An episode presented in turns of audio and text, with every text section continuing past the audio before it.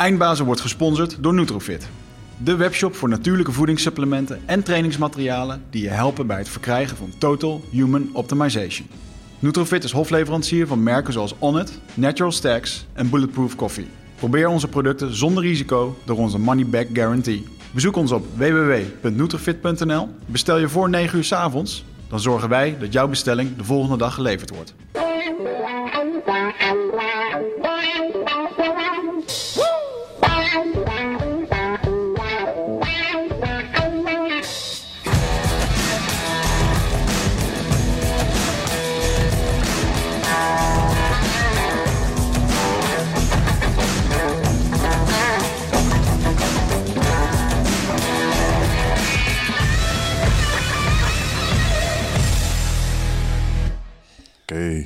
We're back.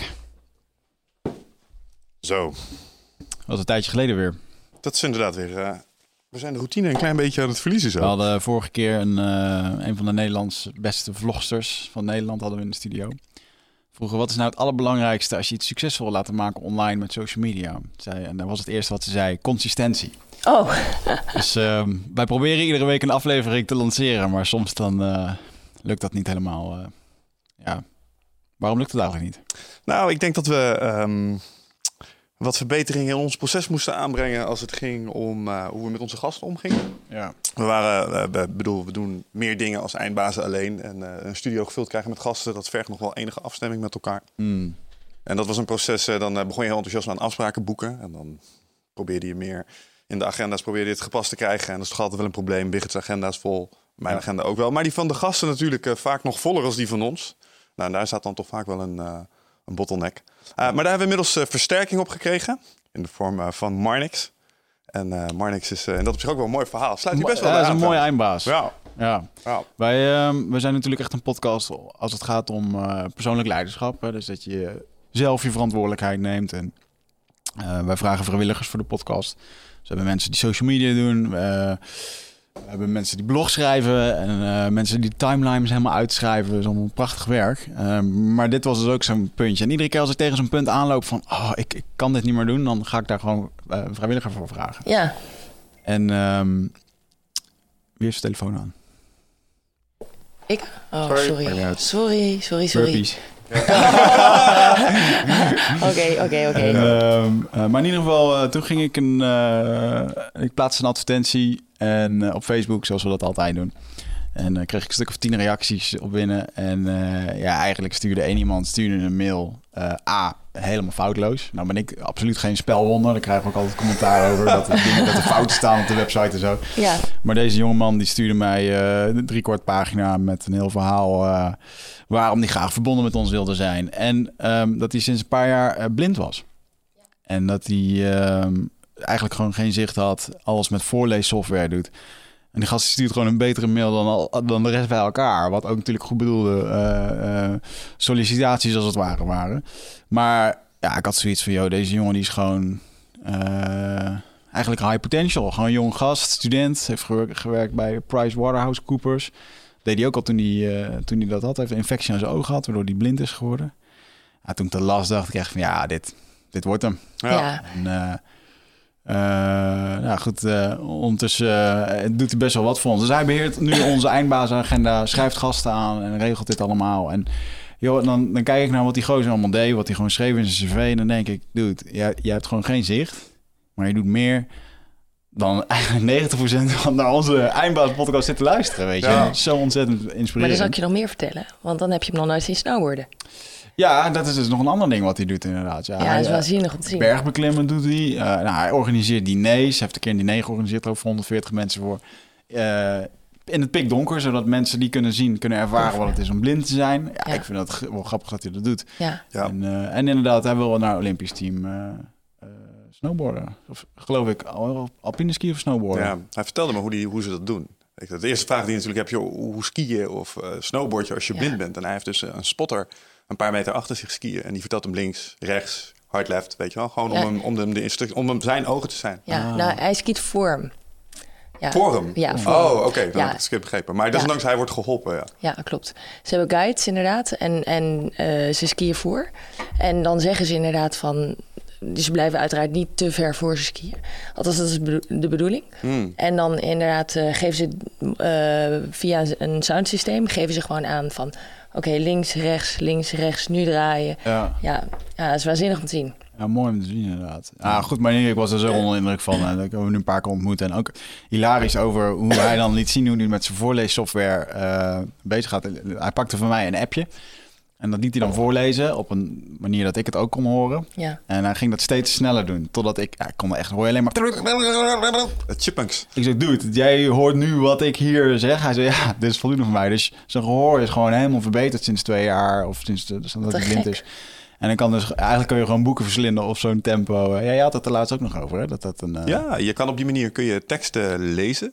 Er zijn eh, software, de software, ehm, ik ben de naam even kwijt, maar wat die doet is die haalt een tekstpagina door een soort eh, lens heen. En wat, wat er dan gebeurt is in het midden staat een soort viziertje. Daar komen de letters tussendoor en die geeft die een andere kleur. Waardoor je eigenlijk de letters constant op één plek er doorheen gejaagd ziet worden. Ah, En dan kun je steeds sneller opbouwen, zodat je het, de hoeveelheid letters die je in een minuut op die manier kunt verwerken, kun je opvoeren. Wauw. Dat kun je trainen. Ja. En ehm, ik weet dat op de iTunes ehm, optie van je iPhone zit een optie. misschien wel eens handig als je naar onze podcast luistert, om ze of Snel. vertragen, Ja. als, het, als ik weer eens wat te snel ga.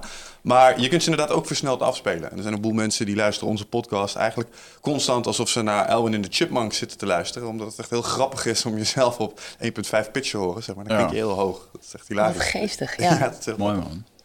Maar goed, dat is eigenlijk het verhaal van Marnix. Marnix die eh, mag ook nooit weggaan bij ons. Nee. Heeft hij ook, eh, mag ook niet. En wat er mooi is aan Marnix, en wat eigenlijk ook wel aansluit bij het verhaal van onze gast van vandaag is, wat ik heel knap vind, is dat, ehm kijk, sowieso mensen met een visuele beperking, het, het, het is moeilijk, het is anders, ehm, maar andere beperkingen net zo.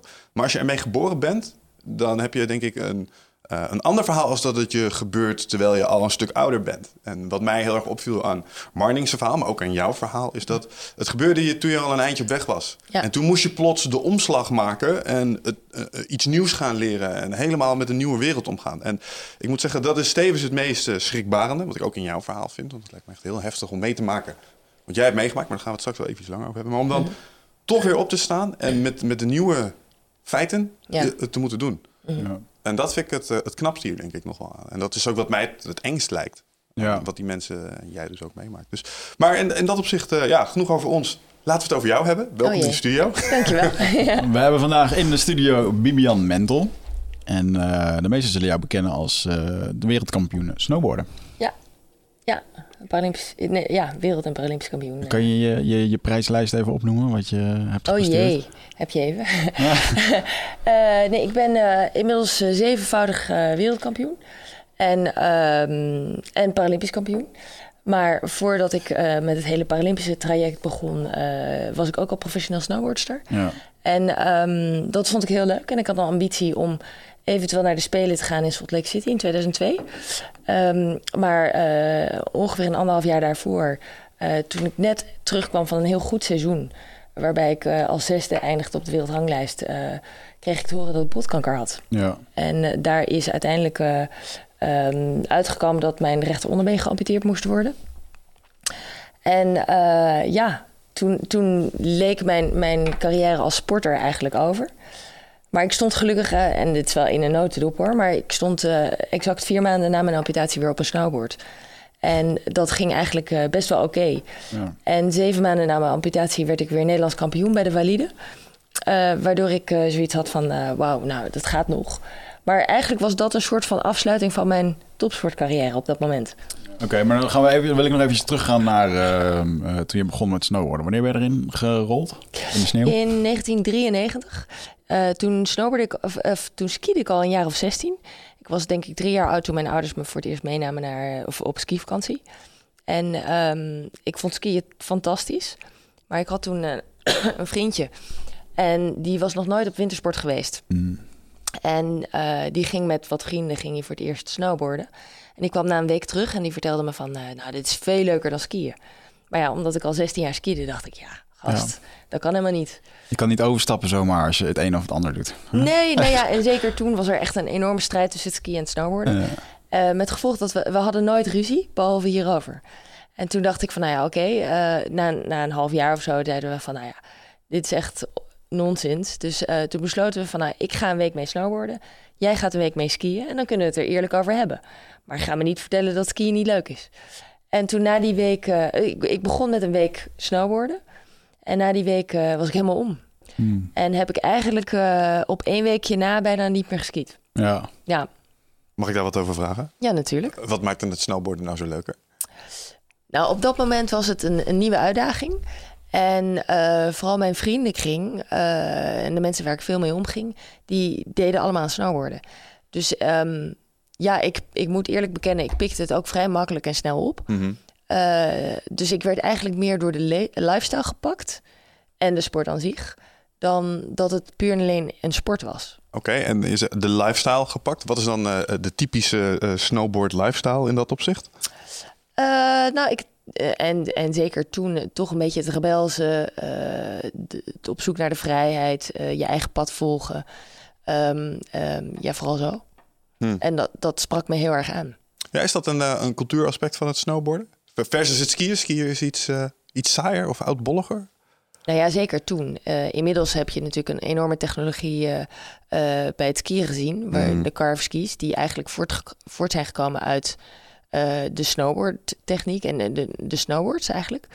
Eh, waardoor het skiën hoe langer interessanter weer is geworden. En eh, dat een enorme opmars heeft gekregen. Maar je had wel een periode dat eh, ja, toch het skiën wat oudbolliger was. En dat was die tijd, denk ik. Maar dat ga je me wel even moeten uitleggen. Want ik heb eh, ooit één keer op een snowboard gestaan. En dat Ja. was in, waar is het hier? In het Zoetermeer kan dat volgens Ja, mij? Eh, Snowworld. Snowworld. Nou, Ja, toen heb ik een groep mensen omgekegeld. Bijna mijn knie verdraaid. En dacht ik, weet je wat? Het is misschien niet het beste voor mij. Dus ik weet heel weinig van het skiën op zich. Ehm, maar de- die carve skis waar je het over had. ja. Wat, wat, maakt die, wat zorgt ervoor dat dat het, het, het skiën zo spectaculair maakt ten opzichte van hiervoor? Nou, ik denk dat op een gegeven moment men vergeten was dat je twee kanten hebt, bij een ski ook. Waardoor je eigenlijk de bochten veel scherper kan maken en echt kan carven. Ah. En eh, dat was eigenlijk bij uitstek bij het snowboarden is dat het, het ding, zeg maar. Ehm, en en eh, zijn de skis meer naar de techniek van, of ja, de bouwers van de skis meer naar de techniek van de snowboards gaan kijken. Eh, waardoor je kortere skis kreeg met veel meer taillering. Ehm, eh, waardoor je veel meer dat gevoel van het snowboarden echt, ja, als het ware, we zeggen altijd de piste in tweeën carven. eh, dat dat op skis ook opeens weer kon. Oké, dat is een bepaald gevoel met een bepaalde scherpte waarmee je de bocht kunt nemen of Ja, zo? ja, eigenlijk gewoon de druk opbouwen en echt gewoon hele scherpe bochten kunnen maken en echt heel plat over de grond kunnen gaan. En, en dat, eh, dat kwam weer terug bij het skiën. Daarnaast kwam het freestyle skiën heel erg in. Dus, dus eh, op een gegeven moment zag je niet alleen maar meer snowboarders in parken, in, in funparks eh, over de schansen vliegen, maar ook eh, skiers. En ehm, ja, dat is een leuke mix geworden. Hm. Dus de, de scheiding tussen ski en snowboarden is een stuk minder geworden daardoor ook. Hmm. Ja, en daarmee, oké. Is daarmee het risico bij het skiën, lag dat anders? Dat, dat snowboarden in dat opzicht eh, het is iets spectaculairder en daarmee misschien ook iets risicovoller? Of valt dat juist mee? Wat is de verwachting die je daarbij hebt? Nou, ik denk dat, dat op dit moment het eh, een beetje gelijk ligt. En zeker als je op dat niveau inderdaad in, in parks bezig bent en grote sch eh, schansen springt eh, en, en extreme dingen doet, dan, dan ligt eh, de gevarenzone bij beide eigenlijk eh, behoorlijk hoog, denk ik. Ehm, en ehm, daar, daaronder heb je natuurlijk een hele grote laag die, die gewoon lekker van het skiën aan het genieten is. Het zij met of zonder carveskis. En, en, en gewoon lekker bezig zijn met, met hun sport en hun hobby. Mhm. Eh, klopt het wel dat ik het gevoel heb dat eh, in het snowboarden iets meer van het, ehm, hetzelfde aspect ligt dat je ook bij het skateboarden hebt? Trucjes, eh, extreme dingen, eh, adrenaline eh, versus het skiën heeft dat iets minder, hoewel die omslag schijnt er wel zijn. Maar klopt dat? Dat is, dat is het eh, wat, wat je eraan trekt? Ja, ja, ja, ja absoluut. Hm. Absoluut. Ja, ik, ik denk dat het... Het is ook een ander type mens, denk ik. Die, die meer op zoek gaat naar avontuur en... en eh, in plaats van de gebaande paden volgt eh, en, en zelf de route wil uitstippelen. Daar waar, en, en nu generaliseer ik natuurlijk wel een beetje, moet ik eerlijk bekennen, maar ehm, daar waar het, het is gewoon echt een andere cultuur, een andere, ander soort mens. Mhm. Ja, Hoe uitzicht dat? Dat, dat andere soort mens, eh, in de zin van, dat zijn geen mensen met een standaard kantoorbaan, of dat zijn mensen die juist prima op zo'n manier een leven inrichten, maar altijd extreme dingen erbuiten zoeken? Of hoe moet ik dat zien? nou, ik weet niet of het extreme dingen daarbuiten zijn. Het is denk ik meer. ehm, Je vindt, skate, je vindt snowboarden niet extreem? Op zich? Maar je, je kunt er ook gewoon, ik, gewoon lekker snowboarden. Als ik snowboard op vakantie ga, dan ga ik gewoon snowboarden. Dan ben Ja, ik geen precies. extreme... Ik ga niet alleen maar halfpipes en parken en dingen. Ik ga gewoon lekker van die bergen af. Kun jij, Ja. kun jij snowboarden? Ja, zeker, ja. Goed ook. Ja ik, ik ben, ja, ik dus niet. En daarom vind ik het misschien heel extreem. Want als ik op zijn ding ga staan, dat, dat Nou ja, eindigt gegarandeerd in de gidsvlees. meteen dat je vanaf je eerste les een halfpipe wordt afgeduwd. eh. Zo veel succes, zo'n skischans, weet je wel. Veel Ja. plezier ermee. Maar er, zit, er, wel, er zit wel iets rauws aan. Een rauw, eh, ja. Je ziet die snowboarders ook altijd overal op de berg gewoon liggen. Even lekker chillen en zo. En die skiers is dan wat netter, denk ik, of zo. Ja, ik weet niet. Dat is het, het, beeld dat ik erbij heb. Maar eh, desondanks, ehm, het heeft wel een, eh, ehm, ja, een, eh, ja, zoals jij zei, een rauw aspect. Maar wat er ook heel erg in zit, is ehm, de trucjes en dat soort dingen. En daar lijkt het, het, nadruk heel erg op te liggen. En jij, jij was volgens mij onder andere kampioen in de halfpipe, als ik me niet vergis. Eh, ja, dat is wel een, al een hele tijd geleden. Oké, maar jij Maar- kon dus allemaal van die spectaculaire dingen als van die flips en slides. En dan heb je allemaal van die hele mooie namen voor de trucjes en dat soort dingen. Ja, en, en, en draaien en 540's en 720's, dat soort dingen. Echt? Eh, nou ja, daar was ik wel mee bezig inderdaad. Ehm, en je hebt natuurlijk ook gewoon... Je hebt verschillende disciplines. En, en het halfpipe en slopestyle is meer gericht inderdaad op trucjes. Mhm. eh, waarbij de rotaties belangrijk zijn. Ofwel om de lengteas, als, ofwel om de breedteas.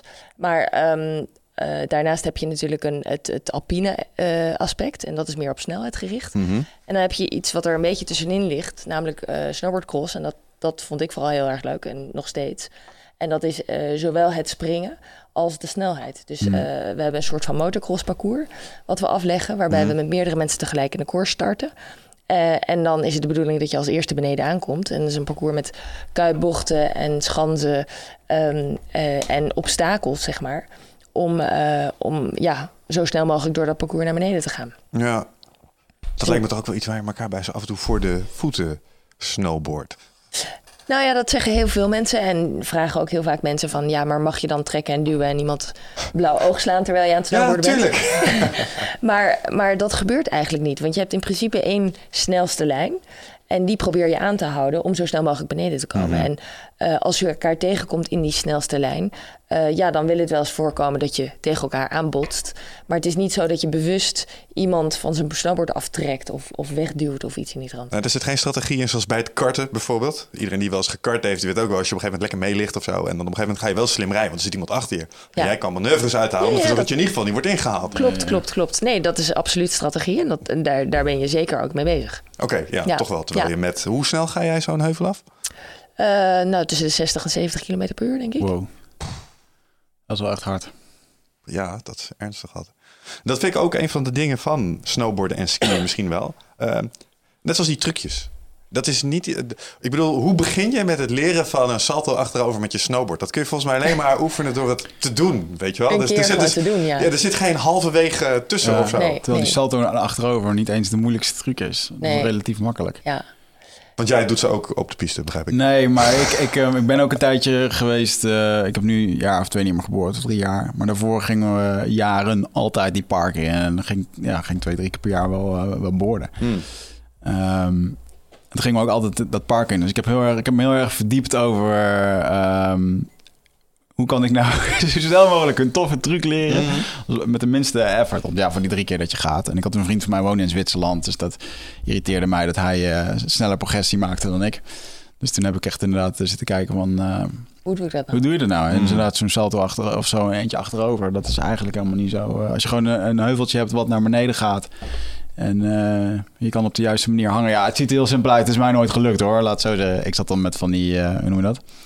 180's, dat je zo'n halve draai kon maken Ja. uit te klooien. En eh, ja, ben Nou ja, ik I- I get- I get op mijn bek gegaan trouwens met eh, dit hele verhaal. Maar Ja. dan toch, als je kijkt naar hoe je het... Het is hetzelfde als met een halfpipe met skateboarden natuurlijk. Er is gewoon geen halve weg om het Nee. te doen. Dus, en misschien is dat ook wel waarom het maar voor een, een beperkt aantal mensen is weggelegd. Want je moet meer als met iets anders, denk ik, hier echt wel de diepte induiken. Nou, commitment.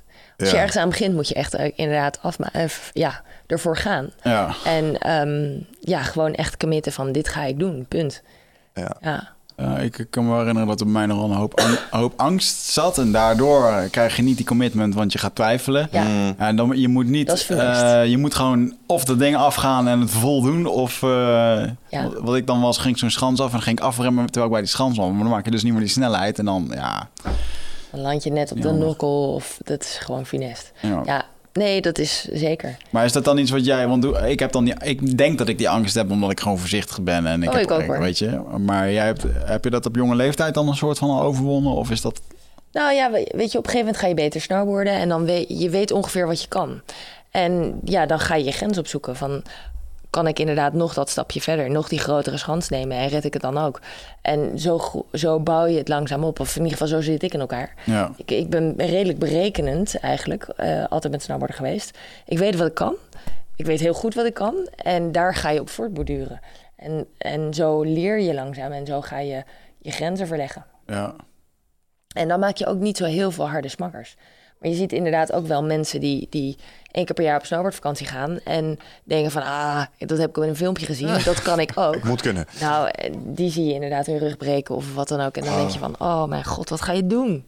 Wat dacht je? Wat is de hardste smakker die jou is bijgebleven van, van jouzelf? Van mijzelf? Ehm, ja... Oeh, dat, dat- ja, Je moet een keer wat gebroken hebben, toch? Ja, kan niet anders. Eh, ja, ik heb mijn elleboog een keer uit de kom gehad. Dat was Ah, ja. wel naar. Oeh. Maar ja, toen snowboardde ik pas drie weken. En inderdaad, nou ja, ik had ook vriendjes en vriendinnetjes eh, dingen zien doen. Toen dacht ik, nou, dat kan ik ook. Nou ja, niet dus. Nee. Ja, ik zet mijn arm even neer en eh, de andere kant op. Ja, ja, dat was niet zo fijn. Maar ik moet eerlijk, eerlijk bekennen eh, en afkloppen. Tot nu toe is het redelijk beperkt gebleven. Ja. Omdat ik dus inderdaad redelijk berekenend ben. Ik weet wat ik kan. Mooi. Ja. En als je dan in het... eh, je, kwam toen in het snowboardwereldje. Wat is eh, de weg die je daar hebt afgelegd qua stijl van races en wedstrijden die je deed? En, eh, Nou, Ik vond snowboarden in zijn algemeenheid heel erg leuk. En eh, in eerste instantie deed ik alles, zowel alpine als, als freestyle. Op dat moment was er nog geen sloopstad, dus alpine of halfpipe eigenlijk. En ehm, ik, ik had al heel snel door dat ik alpine ook leuk vond en ook best wel oké in was. Maar ik vond halfpipe veel leuker. En vooral de, de, het, de vrijheid en, en wat, je, wat jij net ook al aangaf, eh, het, het, eh, de trucjes, eh, de levensstijl die hoort bij het skateboarden, et cetera. Dat, dat sprak me heel erg aan. Ja. Daar waar alpine mensen gewoon wat, wat serieuzer waren. En je ziet het ook vaak bij de trainingen. De alp, alpine mensen die gaan om, eh, om zes uur 's ochtends eh, pakken ze de eerste gronden naar boven. Nou, de free- freestylers die komen om een uur of tien, elf. Als het een beetje iets zachter is geworden, dan Ja. vinden wij het lekker, Ja. zeg maar. Dus dat, dat sprak me al heel snel veel meer aan. En ehm, toen ik op een gegeven moment een, een tweede plek behaalde op het Nederlands kampioenschap overal, toen dacht ik van, goh, ja, vind ik wel heel erg leuk. En toen werd ik gevraagd door de bond of ik eh, meer internationale wedstrijden ook voor ze wilde doen en uit wilde komen voor Nederland. En dat vond ik heel leuk. Maar toen had ik al wel heel snel het besef van, nou ja, dan moet ik wel kiezen in, in- naar één discipline. Wat vind ik nou het leukst? Toen kwam ik erachter van, ja, weet je, freestyle trekt me eigenlijk veel meer. Ondanks het feit dat ik daar misschien niet, of in ieder geval, ja, minder goed van in was dan, dan alpine. ja. En dan kies ik toch eh, voor het freestyle, omdat ik dat gewoon leuker vond. En ehm, je had het net over, ik werd toen wereldkampioen en werd ik gevraagd voor de bond. Je, je praat erover Nederland. alsof je een soort Ja. van eh, een keer meedeed en toevallig won. Maar hoe eh, was het al echt heel serieus voor jou toen, toen je wereldkampioenschap eh nee, won? maar dit is nog geen wereldkampioenschap. Dit was een Nederlands kampioenschap. Oké, nee, Ja. dat telt ook wel mee. Ja, een dat is ook geen minder prestatie op Nee. zich. Toch? Toch? Ja, maar het verschil tussen Nederlands kampioen en, en wereldkampioen is echt nog wel heel groot. Ja. Ehm, eh, nou ja, op dat moment had ik wel zoiets van... ik wilde heel graag kijken, want ik eh, studeerde eigenlijk... in het begin van mijn snowboardcarrière hier in Amsterdam eh, rechten. Eh, kwam eigenlijk in mijn eerste jaar erachter dat ik snowboarden wel heel erg tof vond. En ehm, wel graag wilde kijken hoe ver ik zou kunnen komen. Sport heeft me altijd heel erg getrokken en ik ben ook altijd wel sportief geweest. En kon gelukkig ook wel een beetje leren. Met gevolg dat ik inderdaad eh, beg- begonnen ben met een rechtenstudie. Mm. Maar al vrij snel zoiets had van ja, ik weet niet of dit het helemaal is. En, en wilde ontdekken of ik eh, verder kon komen met snowboarden. Dus ik had al vrij snel eh, dat wedstrijdelement, wat ik leuk vond. Ik denk dat ik gewoon toch wel in mijn genen heb zitten dat ik een wedstrijdsporter ben. Ik vind het leuk om mezelf te meten. Ja. Ehm, eh, ja, langzaam ging, ging ontdekken van, nou oké, wedstrijdjes. Eh, eerst de oh, Nederlands kampioenschappen, maar ook eh, regionale wedstrijden in Zwitserland. En daar kwam ik redelijk snel en vlot mee. En dan ga je dat langzaam uitbreiden en ontdekken. En ik had al heel snel de ambitie om, om beter te worden. Ja. Ja. Hoe was dat om gekenmerkt te worden als talent? Ehm, nou, ik, zo heb ik het zelf nooit echt gezien. Ik wilde gewoon beter worden in mijn sport. Je begint natuurlijk altijd met een achterstand, omdat je niet altijd in de berg kan zijn, zeg maar, normaal gesproken. Maar dat kon ik dus wel. Ik, ik besloot inderdaad uh, mijn proppenduizen af te maken en vooral veel in de bergen te zitten. En um, ja, gewoon lekker veel te snowboarden. En dat vond ik gewoon heel erg leuk. En het was gewoon echt mijn passie. En ik wilde gewoon graag in de bergen zijn en, en lekker sporten. Ja. En, en um, omdat ik zoveel in de bergen zat, uh, pikte ik het ook heel snel op. Er is ook niks lekkerder dan in die bergen zitten. Laat je zo onwijs op. Ben je op wintersport ja. geweest of niet? Nee, ik ben nooit op wintersport geweest. Ik ben wel in de buurt van bergen geweest. Ik zat net aan denken, ik hoor je veel zeggen in de bergen. Dat schijnt ja. sowieso. We hebben een keer Wilco van Rooyen gehad. Die ja. vertelde over zijn avonturen in de bergen. En uh, dan realiseer je een paar dingen. Namelijk uh, één, Mother Nature's a bitch. En in de bergen kom je daar heel erg achter. Ja, absoluut. Vroeg me ook wel af, want je bent veel in de berg geweest. Heb je daar, mm -hmm. even los van het feit dat je op zo'n plankje zo'n heuvel afgaat... Heb je ook wel eens uh, dingen meegemaakt daar, zoals extreem weer of uh, situaties met lawines of dat soort dingen, dat je, die, dat hebben laten zien, die kant van het skiën? Oh, absoluut. In die zin dan, als ik terugkijk, uh, weet je, ik kan helaas ruim twee handen vol tellen van, van mensen die ik goed kende, die er niet meer zijn vanwege lawines. Echt waar? ja, ja, absoluut. Ja, het gevaar. Ja, het probleem, of probleem. Ik bedoel, we zijn natuurlijk meer in de bergen, dus hebben we ook meer, meer kans op, op dit soort dingen. En dat zijn allemaal mensen die heel veel in de bergen met, met snowboarden be bezig waren. En ook gewoon uh, de risico's opzochten. Maar wel heel goed wisten wat de risico's waren. En toch hun keus maakten om dat te doen. Mm. Um, ja, en dan kan je dus inderdaad zeggen: maar, nou ja, is dit. Uh, het is gevaarlijk en noem maar op. Maar wel de maatregelen namen om te zorgen dat ze niet in de lawine terechtkwamen. Uh, maar ja, het blijft wel hun passie. Mhm. Mm -hmm. Dus moet je het dan helemaal nooit meer doen? Ik bedoel, ja, weet je, als je hier de straat oversteekt, heb je ook kans dat je overreden wordt door een bus, bij wijze van. Hoe werkt dat in zo'n uh, snowboardgroep als er zoiets gebeurt? Volgens mij, het klinkt als een hechte groep, een hechte gemeenschap. Dus iedereen kent elkaar, denk ik, ook wel een beetje, zeker op een hoger niveau. Ja. En er gebeurt zoiets. Kijk, als er in, in je gezin in een normale situatie i- iemand wegvalt door een ongeluk, dan is dat super tragisch en er zit veel onbegrip in en dat soort dingen. Ja. Maar hier zit een heel bewust een component in van het heel bewust opzoeken van dat gevaar. Het is a daily thing, je weet het. Ja. Ga, ga, je, de, ga je daar mede daardoor nog anders om met zo'n verlies? Dat zo van ja, hij deed wat hij wou, weet je dat idee? Nou, dat doet me herinneren aan een, aan een heel erg in het begin van mijn snowboardcarrière. Uh, kwam ik iemand tegen die een week daarvoor zijn beste vriend had verloren in een ski-ongeluk. Ze waren namelijk aan het, aan het uh, skiën, of pisten. En ze hadden een couloir wat ze genomen hadden. En dat was een, een, een couloir is een, eigenlijk een stuk sneeuw tussen twee rotsen door. Of okay, yeah. naar beneden. En die namen ze en onderaan de couloir was een, een rotspunt. Uh, dus ze moesten ofwel een bocht naar links ofwel een bocht naar rechts draaien. En zijn beste maatje gaat als eerste. En um, mist de bocht, om het zo maar te zeggen. Dus die slaat gewoon te pletter. Oh. Want hij moest gewoon laten lopen. En slaat gewoon te pletter tegen de, uh, tegen de rots aan.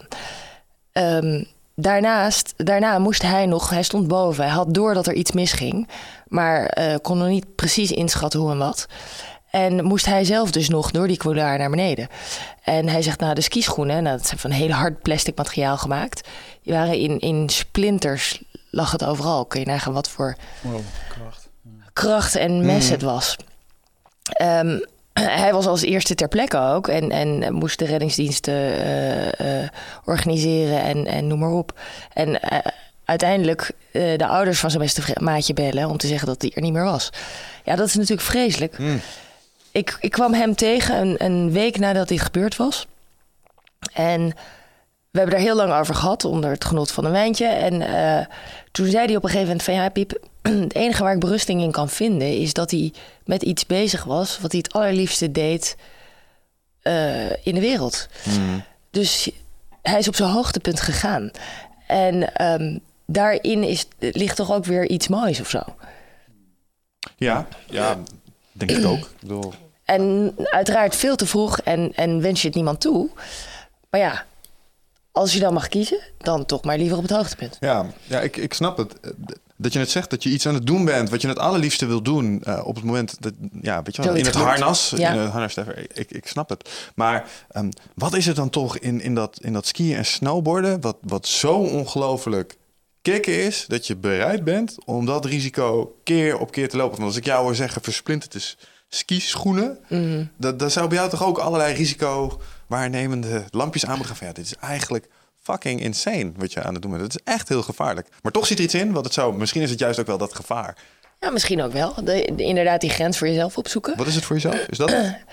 Eh, ja, ja, misschien wel. Eh, het, het, nou, de uitdaging, de groei, eh, het constant weer opnieuw dingen opnieuw leren en nieuwe dingen leren en, en verder groeien. Ik denk dat daarin eh, het voor mij ligt. Weet je, mezelf uitdagen en kijken hoe ver ik kan gaan. En, en ja, echt die groei, die vind ik heel mooi. Ja. Ja, oké, maar dat kun je ook vinden in iets wat iets minder levensbedreigend is, denk ik. Zoiets als eh, jiu-jitsu of kickboksen. Daar zitten die aspecten ook in. Kun je ook beter in worden. Ja. Eh, Ik vermoed stiekem, heel eerlijk, ook wel dat er iets in zit van het feit dat het kan soms gruwelijk misgaan. En als het dan bijna gruwelijk misgaat, of, of het gaat niet gruwelijk mis, of, of je ontsnapt het net te nauwe nood, dat brengt ook wel een bepaald gevoel met zich mee, denk ik. Absoluut, maar daar ben ik helemaal niet bewust mee bezig. Oké. Nee. Dat is niet de driver die erachter zit. Nee, nee, nee. Nee. Hmm. nee, ik vind, ja, weet je, het in de bergen zijn, het gevoel van het snowboarden, het, ehm, ja, de snelheid die je kan maken, het eh, met elkaar door, door eh, poedervelden naar beneden zuizen is fantastisch. Mhm. En, en dat is zo'n lekker gevoel. En ik, ik zie je knikken, maar dan denk ik van ja, je weet ook precies wat ik bedoel ja, natuurlijk. Dat is wel- Dat, dat maakt me gewoon gelukkig en dat maakt me blij. Ja. ja. Wat mij met nou... Oh ja, sorry. Niet een beetje waar jij naar doelt is van dat boek van Steven Kotler, die over flow eh, schrijft. Die heeft volgens mij, ehm, hoe heet die bekende snowboarder, Travis Rice? Die volgt hij volgens mij. En hij heeft een beetje, eh, hij heeft heel goed beschreven in zijn boek, volgens mij heet het Superhuman, ehm, hoe mensen in een flow state komen. En waarom ze dat doen. En vaak de actiesporters, zoals de parachutespringers en de snowboarders, die, ehm, vooral de snowboarders, die, eh, die spelen hier een grote rol in. Omdat ze dat eh, goed hebben kunnen volgen en meten en doen. Maar inderdaad, ehm, het risico dat het fout zou kunnen gaan, zorgt ervoor dat je in die staat komt, waardoor je beter kan presteren. En ja, wel interessant. Het- Dus is een soort stakes van- moeten het- high het, het, is zijn. een, het is een verslaving, hè? Dus het is een, eh, een flow state. Bijvoorbeeld die, eh, hoe heet hij nou, die, oh, die acteur die altijd zo grappig was, die, die uiteindelijk zelfmoord heeft gepleegd. Ehm, Van Jumanji en zo. Ja, ik weet wie je bedoelt. God damn it. Mhm, Williams? Robin Williams. Williams, ja, die gozer die was gewoon verslaafd aan, aan die flow state op het podium. Hè? Dus continu die aandacht en die dingen. En zo zijn er ook sporters die continu dit opzoeken. Die, is dat iets wat je herkent? Ehm, ergens wel. In die zin dat. Ik ben wel verslaafd, denk ik, aan dat gevoel om. Ja, om in de bergen te zijn en, en naar beneden te zuizen en bezig te zijn met mijn lijf. En bezig te zijn met iets wat me heel veel voldoening geeft en dat ik gewoon heerlijk vind om te doen. Waarschijnlijk ook omdat ik als ik, als ik aan het snowboarden ben, ben ik eventjes ergens ook weer helemaal van de wereld of zo. Ben ik alleen maar bezig met, dat, met de natuur om me heen en de omgeving om me heen. En gewoon lekker in de beweging bezig. En, en dat is gewoon heel fijn. Ja. Ja. En daar word ik gewoon heel erg happy van. Dat snap ik. Nou, een vraag die ik wilde stellen net was, en misschien herken jij dat ook wel, Wigert, dat weet ik niet. Eh, De paar keren dat ik in de buurt van eh, Bergen ben geweest, Oostenrijk, Zwitserland, er doorheen rijden op vakanties naar Italië en Frankrijk. Maar ook in Bergen, eh, Noorwegen heen geweest. Het is allemaal, ehm, wat mij er altijd met name bij staat, is hoe imposant het is. Als je Ja. echt zo'n enorme berg op de horizon ziet aankomen... en er wordt echt heel langzaam groter. Weet je, we zijn die heuveltjes gewend. Maar Ja. dan is er echt zo'n massive, massive ding dat naast je staat of zo. En je voelt je gewoon... Zo klein. Nou, dat. Ja, ja. Is dat een aspect wat er ook mee te maken Oh, heeft? absoluut. Vooral dat. Weet je, ik bedoel, ik, vroeger kon ik ook gewoon uren gewoon alleen maar...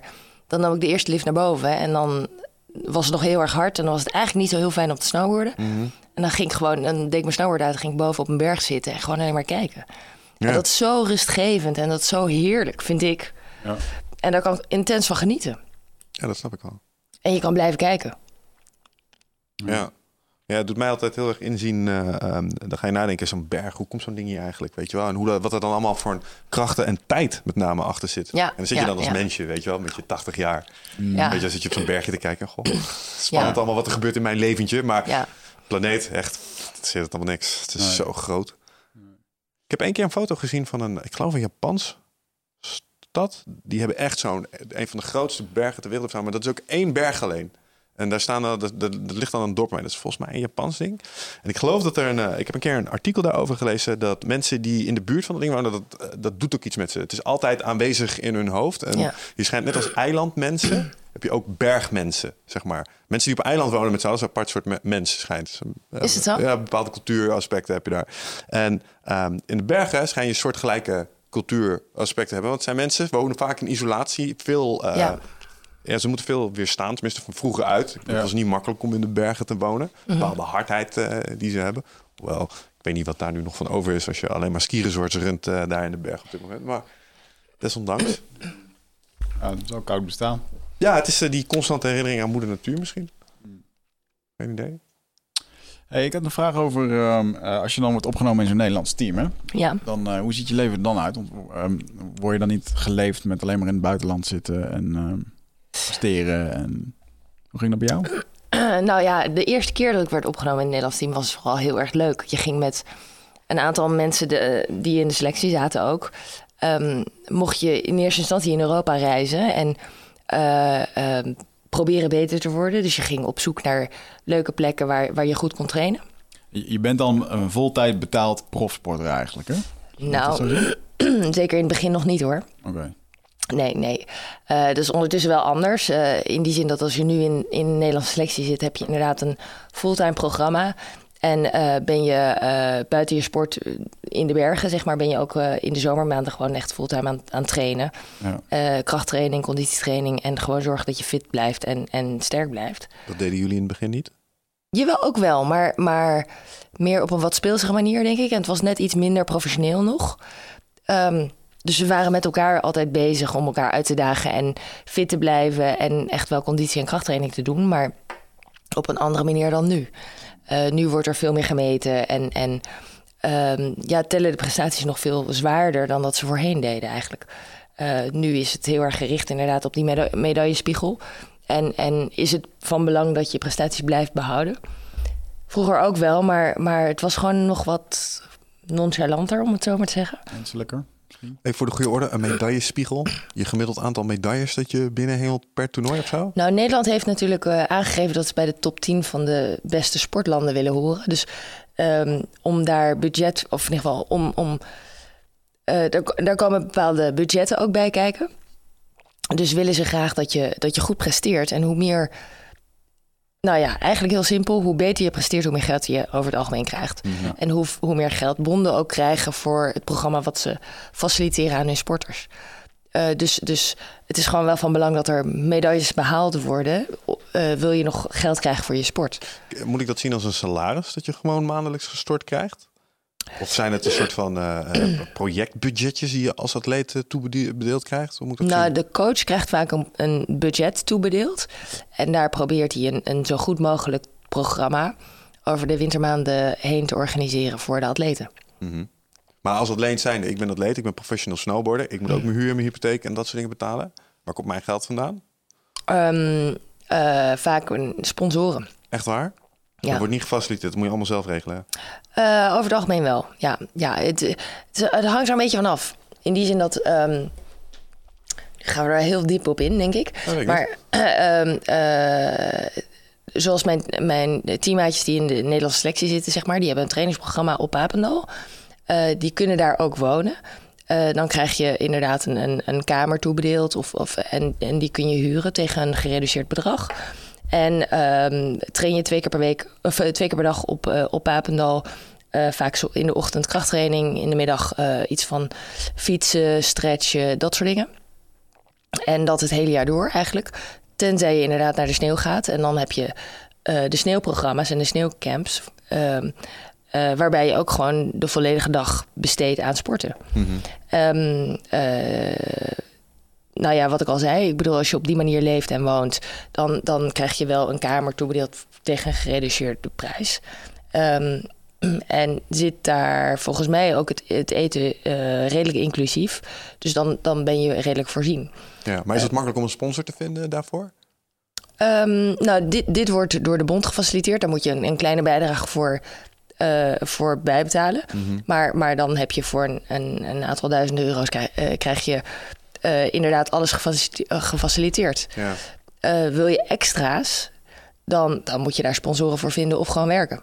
Ja, oké. oké. Dus het ik wil gewoon een baan erbij. En, maar dit, dit gaat al veel verder. Nou, misschien wat ehm, een soort... hoe zeg je dat? Bias die Wigert en ik daar misschien zouden kunnen hebben. Ik in ieder geval vanuit de vechtsport. Kijk, vechtsporters die worden ook echt nul gefaciliteerd. Je moet het echt... Je have to make it big. En dan ineens, dan heb je genoeg centjes. En dan is, kan, kan het ook niet op. Ja, En ik had de, de illusie dat het bij dingen als skiën, wielrennen... Kijk, bij voetbal weten we allemaal, die boys die krijgen allemaal gewoon een leuk salaris uitgekeerd. dus, ja. eh, maar jullie zitten ergens midden op het spectrum, begrijp ik.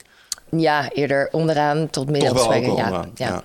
Hoe heb jij dat al die tijd gedaan? Heb je, heb je makkelijk sponsoren weten te vinden? Ehm, ja, redelijk. Moet ik eerlijk zeggen. Ik ben, ik ben natuurlijk begonnen met snowboarden in een periode dat eh, ten eerste het snowboarden heel erg hot was. Het was heel interessant voor bedrijven om iets te doen met snowboarden. Daarnaast was ik een van de weinige dames in Nederland. eh, en, en was het, het vrouwensnowboarden nog heel erg klein. Ehm, heel eerlijk gezegd, daardoor was het ook makkelijker om snel bij de top te horen, zeg maar. Eh, maar ik kon redelijk meekomen.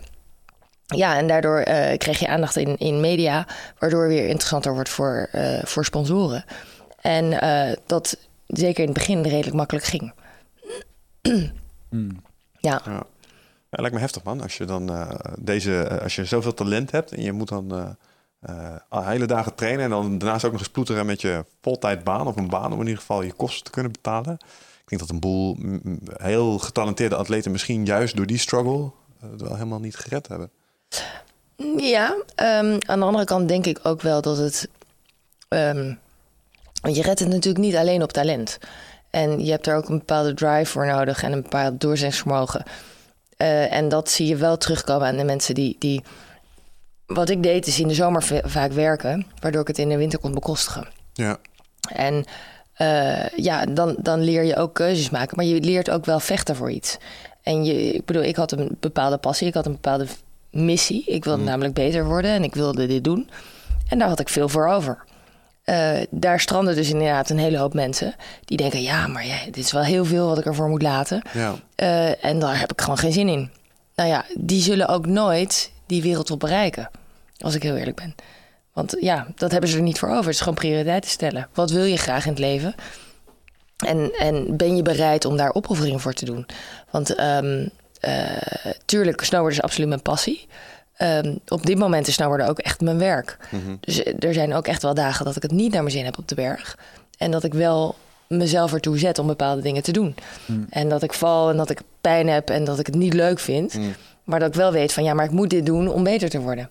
Want ik wil de concurrentie voorblijven. Dus ehm, ja, dan, dan, eh, dan ben je bezig met je passie. Maar het is ook ondertussen wel werk. Ja. Had je, dat, eh, had je dat kunnen voorstellen toen je helemaal aan het begin van je eh snowboardcarrière stond? Toen het echt alles was wat je ooit wilde? Dat, dat het dit, ooit, dit gevoel ook ooit nog een beetje kon krijgen? Dat het dat, dat van, just another day at the job, weet je wel, dat? Had je dat kunnen voorstellen? Jawel, jawel, Toch jawel. wel? Ja, ja.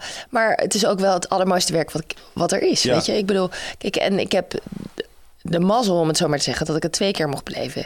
Ik bedoel, eh, ik was. ehm, eh, even denken, dan moet ik het goed zeggen. Ik was eh, 38 volgens mij toen eh, het snowboarden op het Paralympisch programma eh, gezet werd. Waardoor ik automatisch eigenlijk op dat moment... Ik was op dat moment wereldkampioen. Dus ik werd gevraagd van, joh, ga je meedoen? Wil je mee in het programma? En ik werd weer A-sporter voor het NRC-NSF. En, en ik, ik werd weer topsporter, om het zo maar te zeggen. Nou, er zijn weinig mensen die dat nog kunnen zeggen. Dan, dan eigenlijk een, een tweede carrière krijgen. Maar het was het allermooiste... Ik bedoel, het is het allermooiste beroep wat er is. Weet je, ik mag bezig zijn met mijn passie en ik word ervoor betaald. Ja. En dat is te gek. En het, het, het gekke was dat ik me dat ook, toen ik nog valide topsporter was, me dat ook realiseerde. En ik ehm 24 was en dacht van, jeetje, wat vreselijk eigenlijk. Want ik doe nu het allermooiste werk wat ik, wat ik me kan voorstellen. Hierna wordt het eigenlijk alleen maar minder, zeg maar. Want ik bedoel, wie kan zeggen dat zijn, zijn kantoor, om het zo maar te zeggen, boven een berg is en, en eh, lekker mag snowboarden. Aan de andere kant, ik had eh, eh, deze winter hadden we een eerste trainingscamp, eh, eerste week januari in helemaal in Lapland, in Finland. En ehm, toen stonden we met min 40 eh, eh, onze trainingsrondjes te snowboarden, zeg maar. En het was koud en mijn, mijn linkertenen waren aan het bevriezen en ik had het koud en alles was stijf en bevroren. En dan moet je ook. En ehm, toen heb ik echt wel momenten gehad dat ik dacht van, jezus, wat ben ik aan het doen? Ja. Ja, ik kan me levendig voorstellen. Dat is wel zo'n aspect van het, van het snowboarden, dat vergeet je snel. Want je denkt altijd aan eh, mooie zonnige pistes. Maar het is ook natuurlijk gewoon sneeuw. Het is gewoon echt, echt koud en tenen bevriezen is volgens mij echt... Ja. Ik heb Nooit ook plezierig. met een gevoels, ik geloof wel eens met een gevoelstemperatuur van min 30 op de piste gestaan. En dat was echt, eh, echt niet fijn. Nee, Nee. dat kan me levendig voorstellen. Maar, ja. Hey, laten we eens even ingaan op, eh, op wat je net zei. Je zei, joh, eigenlijk heb ik mijn carrière ehm, twee keer kunnen meemaken. Eén keer als elite en één keer als, eh, hoe zeggen ze dat? Para, Para-atleet of, of, para-atleet. Ja. Paralympisch Ehm, atleet. Want, even los van het feit dat je een badass op het snowboard of op een snowboard bent, eh, gebeurde je ook iets eh, Ja. in je carrière. Iets, iets redelijk heftigs. Ehm, want in, als ik mijn huiswerk goed heb gedaan, 1999 constateerde men botkanker bij jou. Heel goed, ja. Met een hele vervelende consequentie, namelijk dat jij je linker... Mijn rechter. Ja, rechter rechter- onderbeen geamputeerd is. Wauw. Ja, heftig, heel heftig. Weet je, en eh, ik, ik scheurde mijn enkelbanden in tijdens een van de wedstrijden. En ehm, dat ging maar eigenlijk niet over. Hmm. Ik heb dat seizoen gewoon afgemaakt en ik had wel pijn in mijn enkel, maar ik, neem, ik nam af en toe wat pijnstillers eh, en ik wist hoe ik mijn eigen enk- enkel kon intapen. En, en zo maakte ik mijn seizoen af en had vervolgens een van mijn, eh, eigenlijk tot dan toe, een van mijn beste seizoenen ooit. Mhm. En ehm, ik wilde er gewoon voor zorgen dat, dat ik ehm, ja, heel fit was om, om het jaar daarna me te kwalificeren voor de, eh, voor de Olympische Spelen. Mhm. En eh, kwam er bij de fysio achter dat mijn enkel ehm, niet reageerde op de behandeling zoals ze dat normaal gesproken deden bij ingescheurde enkelbanden. Hmm. En toen ehm, vroegen ze me om foto's te laten maken van mijn enkelwricht. En daar kwam eigenlijk direct een, een vrij grote plek op het scheenbeenbod naar voren. Ehm, toen is er vervolgens eh, ruim drie maanden eh, onderzoeken geweest. En na drie maanden werd ik doorverwezen naar een ander ziekenhuis, het LUMC in Leiden. En daar kwamen ze erachter dat ik eh, niet alleen geenkel- eh, gescheurde enkelbanden had, maar een, een, eh, een hele zeldzame vorm van botkanker. Is dat waarom het zo lang geduurd heeft, drie maanden, om erachter te komen wat het daadwerkelijk was? ja. was gewoon moeilijk te detecteren. Ja, nou ja, ze wisten gewoon weg niet zo goed wat het was. En wat voor soort tumor het was. En ze, ze zagen die grote plek op het scheenbeenbod. En ze hebben in eerste instantie dachten ze aan een goedaardige tumor. Nou, dat bleek het niet te zijn. Eh, toen kwamen er onderzoeken en zijn ze gaan onderzoeken van... ja, wat, wat voor cellen zijn dat nou eigenlijk precies? En omdat het zo'n zeldzame vorm is... ehm, achteraf gezien ze, hebben ze misschien veel eerder kunnen constateren... dat het een vorm van kanker was maar niet exact kunnen pinpointen wat het dan precies was. en ehm, dat heeft, heeft gewoon lang geduurd. Dus eh, zodoende. Ja, Hoe komt dat binnen als men dat ehm, zo tegen zegt? Van joh, eh, we weten wat het is, het is kanker. Ja. Wat, wat doet dat met je? Wat, wat, weet je nog dat moment dat men dat tegen je zei? ja, heel goed. Heel goed. Ehm, en het kwam in die zin binnen dat ik dacht van... ja, dat is heel vervelend, maar ehm, dat komt vooral niet uit nu. Dus wat gaan jullie eraan doen? Zodat ik zo snel mogelijk weer op een snowboard sta. Ja. Ik was zo bezig met die Olympische Spelen en me kwalificeren daarvoor. En snowboarden was zo'n groot deel van mijn leven. Daar was ik 350 dagen per jaar mee bezig. Dat dat mijn eerste reactie was. Ja, terwijl mijn moeder die naast me zat echt, echt bijna flauw viel van, van schrik, zeg maar. Ja. Ja. Is het dan ook niet een soort van, eh, ik wil dit niet geloven, dus we gaan dit ook gewoon, eh, dit gaat gewoon niet gebeuren? Nou, op dat moment niet, dacht ik. Ik, ik had gewoon volst vertrouwen in, in de medische wetenschap. En dacht van, ja jongens, wat gaan jullie eraan doen? En, en eh, het woord kanker kwam niet echt binnen. En dat kanker een ziekte zou kunnen zijn waar je aan kan overlijden. Dat, dat kwam helemaal niet binnen. Nee. Ik was gewoon met iets anders bezig. En, en ja, zag het niet of wilde het misschien niet zien op dat moment. Maar ik was heel erg bezig met het, het beter worden van. En, en gewoon letterlijk van, ja, wat kunnen jullie doen? Ja. Nou, en mijn arts gaf aan van, nou ja, we kunnen... Normaal gesproken zei hij, eh, tien jaar geleden dan hadden we je been eraf gehakt. Maar eh, we gaan nu kijken wat we kunnen doen. En eh, gezien het feit dat je topsporter bent... wil ik kijken of ik de tumor uit je, uit je onderbeen, uit je tibia kan verwijderen. En dan je bot weer opvullen met eh scheem, met botdonor. Ehm, en dat moet uitharden, een maand of vier, vijf. En dan eh, hopen we dat je gewoon weer verder kan. Nou ja, zo gezegd, zo gedaan. Dus ik ben de eerste keer geopereerd. En ehm, toen vier, vijf maanden onbelast eh, door het leven gegaan. Wat best, best lastig was. Ik mocht mijn, mijn tenen niet eens neerzetten op de grond, zeg maar. Ja. Ze waren bang dat dat bot gewoon in één keer zo in zou zakken. Ehm, en gewoon nog niet sterk genoeg zou zijn. En na vier, vijf maanden kreeg ik eh, de goedkeuring van mijn arts om, om langzaam weer te gaan bewegen. En dat deed ik onder begeleiding van een fysiotherapeut. En eh, na een kleine week was ik eigenlijk al, want dat ging goed. Dat voelde ook goed. En na een kleine week was ik al een beetje aan het dribbelen op de loopband. En er waren veel oefeningen aan het doen. Toen ook eigenlijk plotseling de, dezelfde pijn die ik daarvoor had, ook weer terugkwam in, in mijn enkel, of in ieder geval mijn onderbeen. En eh, in het begin denk je van, nou ja, ik heb gewoon te veel gedaan bij de fysiotherapeut. Dus het zal allemaal wel meevallen. Nou, een week later dacht ik van, nou, even melden bij mijn fysio. Van ja, voelt nog niet zo heel erg goed. En ik merkte ook dat mijn, mijn been weer warm werd. Wat vaak duidt op een infectie. Dus eh, ehm, toen zei mijn fysio ook van, nou ja, we gaan de belasting weer wat terugschroeven. Eh, we zijn hoogstwaarschijnlijk te hard van stapel gelopen. Ehm, en weer een twee weken later eh, toch maar even weer met de orthopeed, eh, orthopedische chirurg gebeld. En ook die zei van, joh, maak je geen zorgen. We hebben net een MRI-scan gemaakt. Die zag er goed uit. Ehm, ik verwacht niet dat er iets geks is. Dus, dus ga door, schroef de belasting wat terug. Maar je bent vast en zeker veel te hard van stapel gelopen. En toen inderdaad twee maanden later een MRI-scan eh, kwam... waren er direct weer cellen op, op de foto aanwezig die er niet hoorden. Mm. En weer een paar dagen later lag ik op de operatietafel met een, eh, met een ruggenprik. Waardoor ze me tijdens de operatie konden vertellen... ja, sorry, het spijt me, maar de tumor is weer terug. Ja, en dan wordt het een heel ander verhaal. Hoe, eh, hoe ging dat tijdens de operatie? Want je kreeg een kijkoperatie of zo. Ja, ja, nou ja, ik was inderdaad, eh, omdat ik een ruggenprik had, was ik bij. Eh, ik had een, een heel licht roesje, dus ik, dus ik had een beetje door wat er gebeurde. eh, maar voelde gelukkig niks meer. En ehm, toen werd ik vervolgens weer terug naar mijn kamer gebracht. En toen kwam mijn arts op een gegeven moment binnen. En toen zei hij van, ja, weet je... ehm, nu moeten we gewoon naar, kijken naar een hele ander soort operatie. Namelijk de reconstructie van je onderbeen. En, en waarbij we echt het, het grootste deel van je, onder, van je tibia weg moeten halen. Daar waar de tumor zit.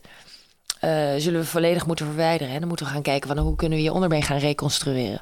Waar zit je tibia ongeveer? Dus die scheenbeenbot. Ja. Ja. ja. Dus het zat net boven het enkelgewricht. Dus het onderste gedeelte van mijn scheenbeenbot. En daar wilden ze ehm, volgens mij een centimeter of twaalf verwijderen.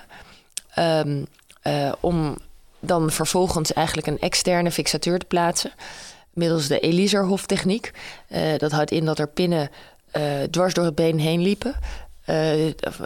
Roestvestalen pinnen of chirurgische metalen pinnen. Ehm, om, om het bot eh, een beetje op zijn plek te houden. Ehm, eh, dat stuk bot volledig te verwijderen. En dan door middel van een breuk te maken in het gezonde stuk bot. En die breuk kunstmatig open te houden. de lengte van je scheenbeenbot weer terug te laten groeien. Oh, wauw.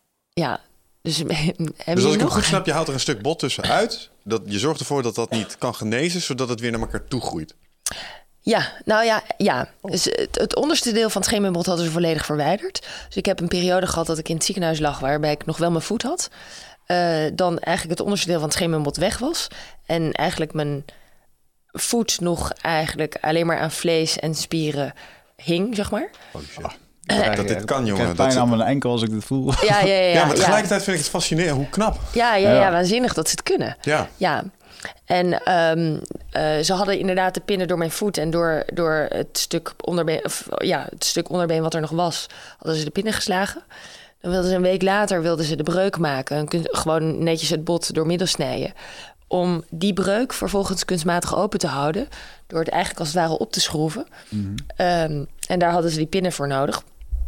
Om dan inderdaad eh, eh, het bot wat de neiging heeft om, om te groeien. Ik bedoel, als je een, een- je bot breekt of als je je arm breekt... dan groeit dat bot natuurlijk naar elkaar toe. Eh, en, en door middel daarvan gewoon de lengte van het bot weer terug te laten groeien. Klinkt wel logisch eigenlijk. Ja, Het is eigenlijk een, een techniek die ze ook toepassen op, eh, op mensen die klein zijn en, en dus beenverlengingen, Ja. zeg maar. Ja, of een heel groot lengte, eh, been, beenlengteverschil hebben. ja. Ja. Oké. ja. Blijf vertellen. Oh ja. ja. Keep Nou going. ja, ja, nou ja, ehm, eh, die, die techniek was geplaatst. Die, die Elisehoff techniek was geplaatst. En eh, een week later wilden ze inderdaad die breuk maken.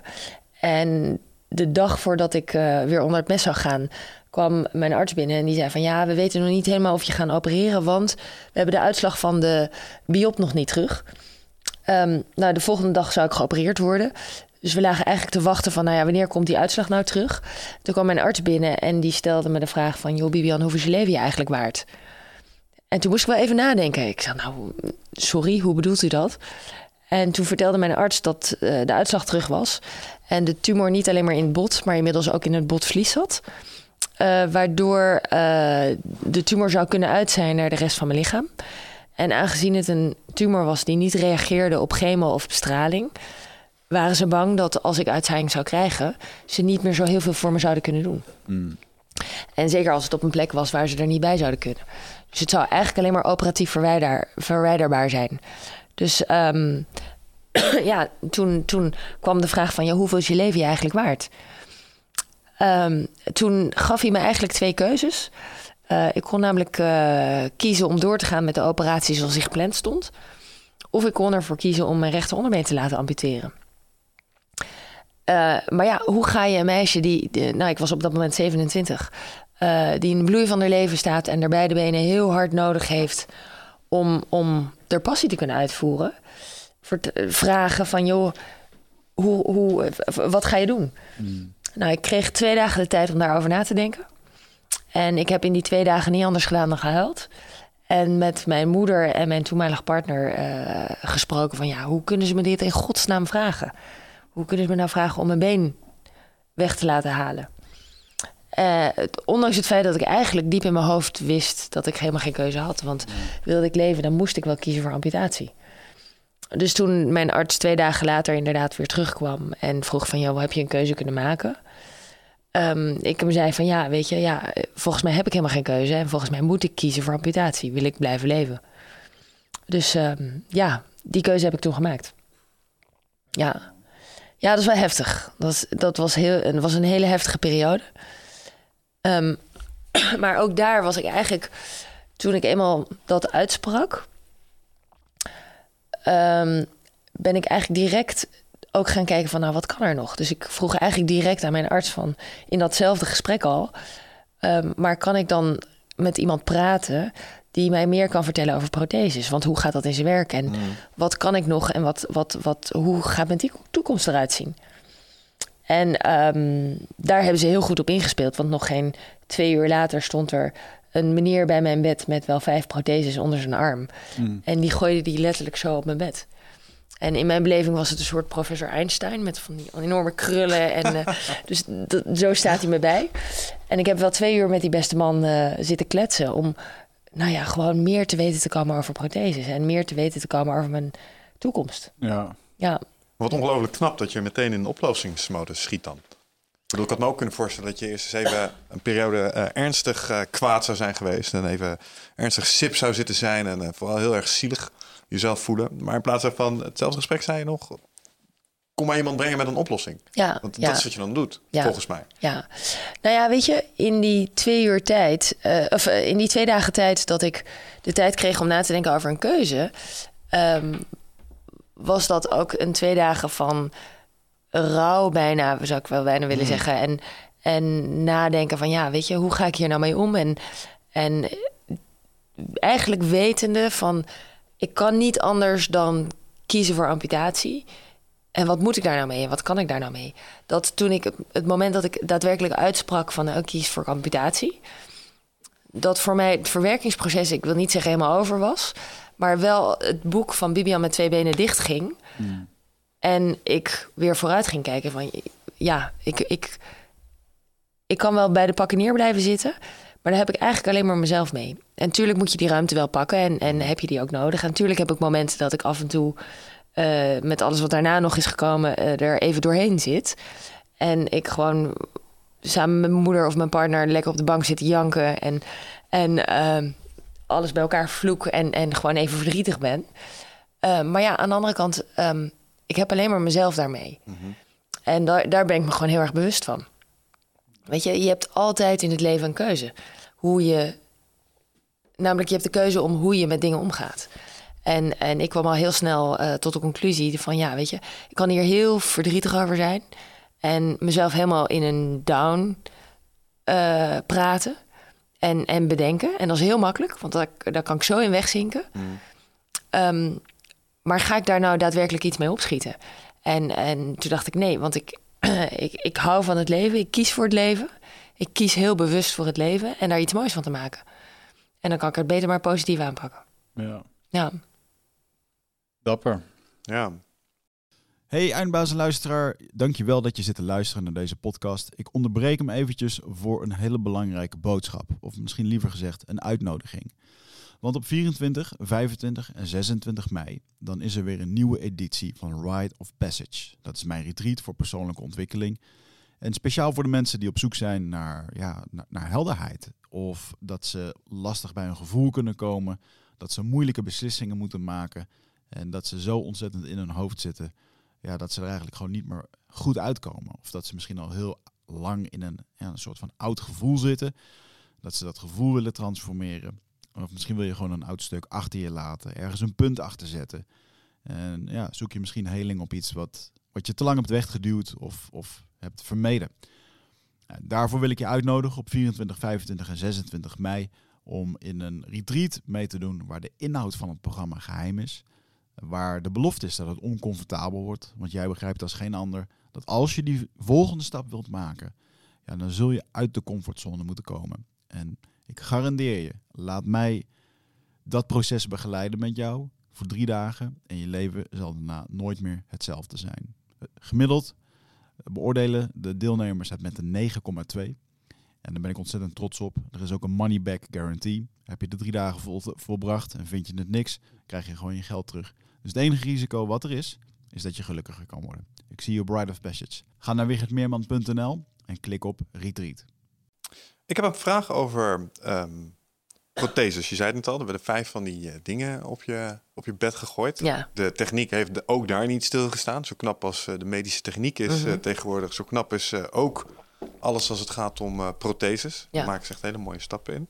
Um, hoe is het om nu na de hand te leven met een prothese? Ik bedoel, als iemand die dat niet kent, ja. wat zijn dingen die ik echt niet snap, weet, ken? Nou ja, wat je vaak niet weet, in die zin dat ik heb... Eigenlijk leef ik met een stijve enkel. Ja. Maar als ik ochtends wakker word, um, dan trek ik mijn prothese aan. En die heb ik binnen een paar seconden heb ik die aan. En dan heb ik gewoon twee benen. Ja. En uh, ja, het kost wat meer energie om te lopen met een prothese. Uh, maar daar ben ik me helemaal niet bewust van. En dat, dat, ja, weet je, ik ben misschien wat meer, eh, wat sneller moe op het moment dat ik loop of, of wandel of ren of wat dan ook. Je ziet het trouwens niet, want het, straks je binnenkwam lopen, toen was mijn eerste gedachte, maar je had toch een prothese? Dat dacht ik net zo. Je dacht, oh ja, maar dat, maar je ziet, ja, dat, ja, dat is zo. Ja, je ziet gefixt of zo, en nu ben je aangegroeid. Maar, ja, ja, precies. Ja. Oh, wat goed. Nou, dankjewel daarvoor. Ja. ja. Nou, ik ben wel, uh, wel me, omdat ik altijd al zo bezig was met mijn lijf, um, ben ik me ook heel bewust geweest van... oké, ik wil wel heel snel goed leren lopen met mijn prothese... en in balans leren lopen. Want ik was me ook bewust van het feit van... ja, als ik nou heel erg met mijn heup blijf trekken... of heel erg met mijn been blijf trekken... dan heeft dat toch ook weer effect op mijn heupen. Uh, waardoor ik eerder slijtage aan de rechterkant zal krijgen. Um, maar ik zit er niet op te, op te wachten om over 15 jaar uh, onder het mes te moeten, omdat ik een nieuwe heup nodig heb. Nee. Dus ik ben me altijd heel. En ik heb het voordeel dat ik in mijn vriendenkring vrij veel uh, fysiotherapeuten heb. Dus als ik een beetje verkeerd liep, dan kreeg ik meteen een schop onder mijn kont en zei van ja, biep, loop eens normaal man. Dus dat, dat, was, dat scheelde ook. ga eens normaal lopen en ga eens netjes lopen. Mm -hmm. Dus um, ja, daar ben ik me altijd wel heel bewust van geweest. En dat is mijn voordeel gewe geweest ook. Want daardoor ja, kan ik in het dagelijks leven eigenlijk uh, vrijwel alles. Ik bedoel, ik ben in, in inmiddels bijna 17 jaar tijd nog nooit iets tegengekomen wat ik echt niet kan. Door het feit dat ik mijn onderbeen mis. Hm. Ja. ja. En, en ja, ik ben nog nooit echt iets tegengekomen wat ik heel graag zou willen. Maar gewoonweg moet zeggen van ja, ik heb een prothese en ik, dat red ik niet. Ja. En natuurlijk zijn er ongemakken. En natuurlijk zijn er kleine dingetjes die ik niet kan. Of moeilijker kan. Of eh, ehm, ja, eh, moeite mee heb. Maar dan, eh, als het niet linksom kan, dan lukt het rechtsom wel. Hoe gaat je brein met dit soort dingen op als je op een gegeven moment geen ehm, ehm, voet meer hebt? Dan heb je nog wel jeuk aan je tenen en zo? Ja. dat ja, soort ja, dingen? ja, ja, zeker. Ghost Ja. pains. Dat is Eh, raar, fantoompijn noemen ze Ja, dat. Ja, ja. Een? Ghost pain. Ghost pain. Fantoompijn, ja. Dat is een ding? Eh, ja, absoluut. Ehm, zeker de eerste maand heb ik daar enorm veel last van gehad. Ja. En dat is heel gek, want eh, ik was net geamputeerd. En dan denk je van, nou ja, oké, dat been is weg, weet je. En eh, je moet je voorstellen dat het fantoompijn voelt een beetje alsof je 220 op je been zet. En dat is niet fijn. Nee. Nee, en, en enorme steken, een soort... Ken je dat prikkeldraad? Als je Ja, vroeger ja, ja, heel vervelend, ja, ja, ja. Nou, dat keer tien, zeg maar. En eh, de reactie vaak is, als je ergens heel veel pijn hebt... dan ga je erover wrijven om het te easen. Om het wat, wat te verlichten. Maar dat kan niet, want het is er niet meer. Dus het is echt heel bizar. Dus ik had op een gegeven moment, toen was ik net uit het ziekenhuis... En ehm, die eerste week uit het ziekenhuis... eh, nou, mijn moeder die zag me echt wegkwijnen. Want ik sliep niet meer, ik kon niet slapen. Ik at niet meer. Dus ik... ik ingevallen bekkie en, en eh, eh, zwarte kringen onder mijn ogen. En, en ik werd met de dag eigenlijk slapper, zeg maar. En ehm, toen zijn we teruggegaan naar het ziekenhuis. En daar hebben ze me antidepressieven meegegeven. Omdat ze eigenlijk, of zo legden ze het uit... dat ze je zenuwstelsel eigenlijk een beetje lam leggen. Ja. Waardoor je het gewoon minder voelt. En toen legde ook de arts mij uit van... ja, eh, je moet je voorstellen, fantoompijn is eigenlijk... ehm, je moet het zien als een soort telefooncentrale... waarbij de centrale in je hoofd zit... En ze continu bellen naar je voet en nog niet doorhebben dat, het, dat dat adres helemaal niet meer bestaat. Dus ze blijven maar bellen en ze blijven maar signalen en prikkels geven. Terwijl daar niemand thuis is.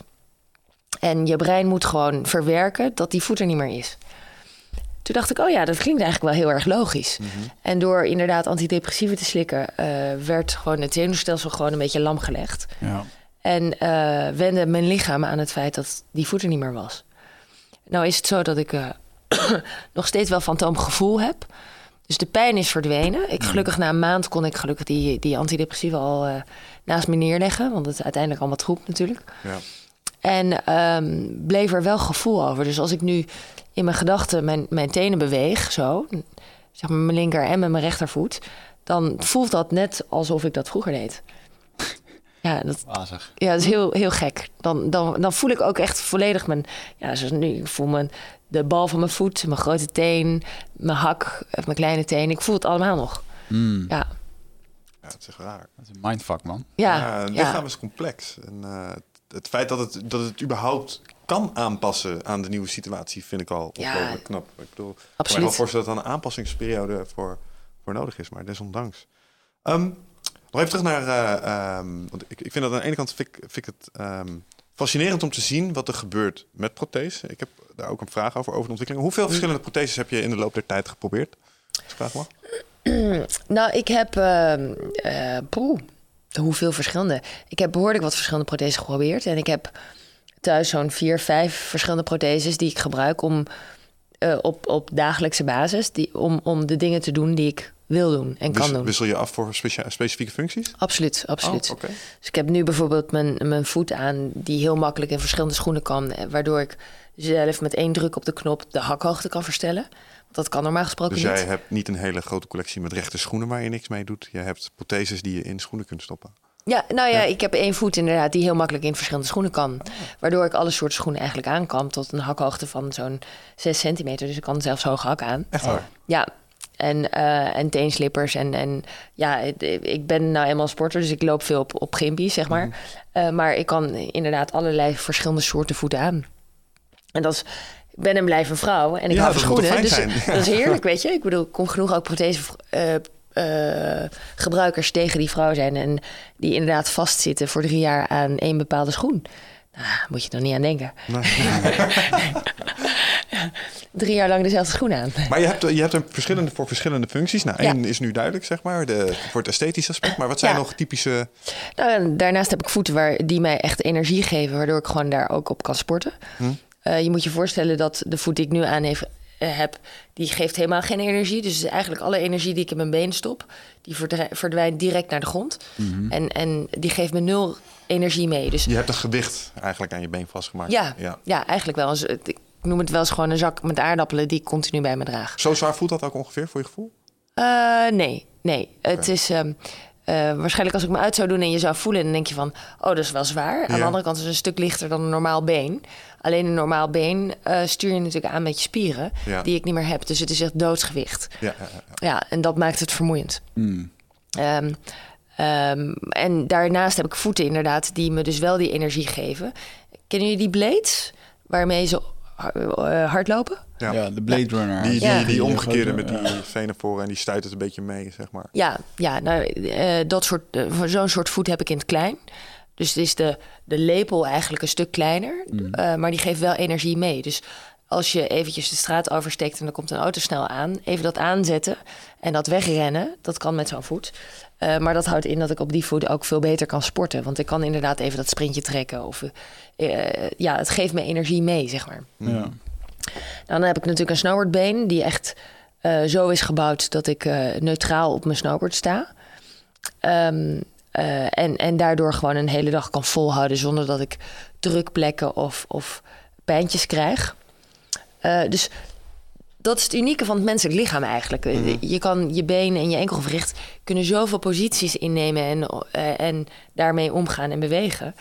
En een prothese moet je zien van eh, die kan één positie aannemen en daarin goed functioneren. Maar als je wil rennen, dan kan je dat met die renvoet doen, maar dan kan je geen hoge hak aan. Dus dan moet je keuzes maken. Ja. Vraag over die snowboardprothese. hè? Zou, het, zou het denkbaar kunnen zijn dat je dat in sommige situaties ook een voordeel oplevert ten opzichte van een, een regulier been? Omdat je meer spanning kan dragen of omdat het eh, meer rigide is, minder druk op je enkels. Ehm, nou, echt in die zin dat ik denk dat de, het voordeel wat, wat je hebt, het inderdaad het stijven.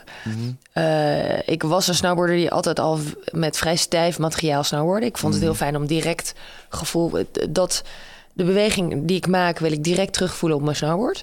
Dus daar was ik wel altijd een fan van. Eh, en dat heb je met een prothese natuurlijk des te meer. Weet je, ik bedoel, het is carbon, dus dat gaat geen enkele kant op. Eh, aan de andere kant weegt het niet op tegen de beweging die je mist. Ja. Ehm, dus ik zou het niet een voordeel willen, noemen. Of dat een extra voordeel ten opzichte van een valide persoon eh, met zich meebrengt. Ehm, maar ik vind ook niet een enorm nadeel, zeg maar. Nee.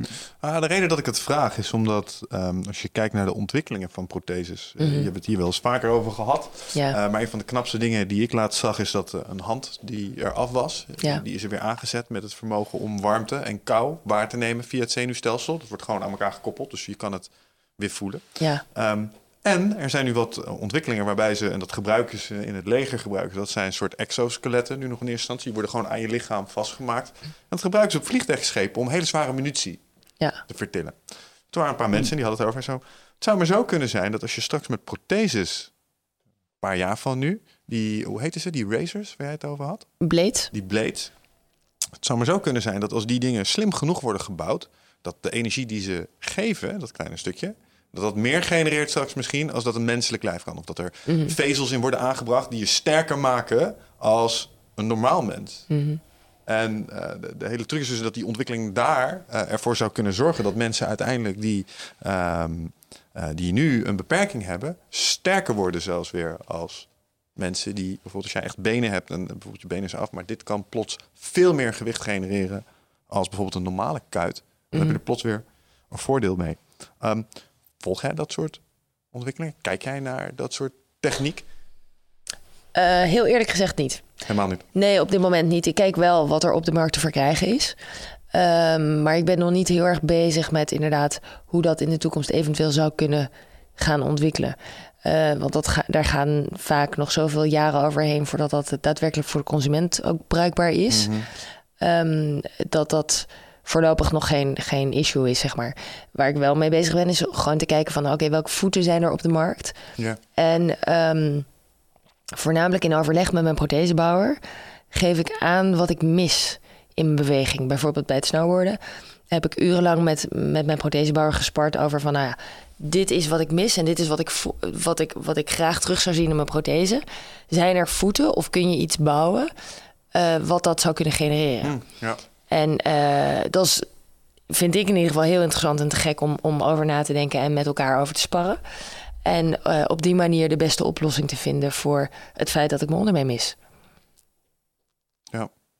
Ja. Ja, snap ik. ja.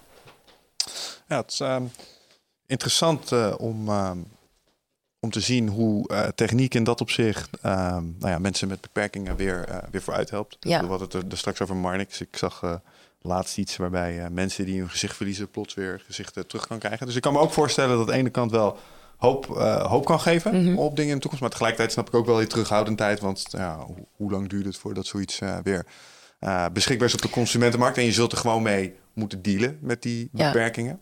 Nou, en wat er, wat er ook meespeelt, waarom ik wat, wat terughoudend ben daarin, is dat ehm, ik bof enorm met het feit dat ik meerdere voeten heb. Maar op dit moment is het in het zorgstelsel zo geregeld dat, nou ja, net zei ik al, van joh, je moet, voor, moet eh, eigenlijk kiezen welke schoenen je voor drie jaar aan wil. En dat is geen grap, zeg maar. De gemiddelde prothesebouwer, Oh, zo, ja. de gemiddelde prothesebouwer krijgt één voet en daar moeten ze drie jaar mee doen. En eh, ik heb het voordeel dat ik inderdaad kan uitwisselen, omdat ik inmiddels meerdere voeten heb en dat ik gesponsord word. Ehm, maar daar ben ik, eh, ik bedoel, niet iedereen heeft dat geluk, zeg maar. Ja, er zit natuurlijk een kostenplaatje aan die protheses. Ja. Zijn ze heel duur? Eh, nou ja, je moet eh, denken aan een, een, een tussen de eh 5 en 10.000 euro, zeg maar. Afhankelijk van de, van de voet Ja. die aantrekkelijk is. Ehm, en een, een, op dit moment is het zo geregeld dat de verzekeringsmaatschappijen de prothesebouwers ehm, eh, een, een fix bedrag geven voor de prothese die ze bouwen voor de consument. Eh, en dat houdt in dat eh, de kosten voor het bouwen van zo'n voet ongeveer gelijk staan aan wat ze ervoor terugkrijgen.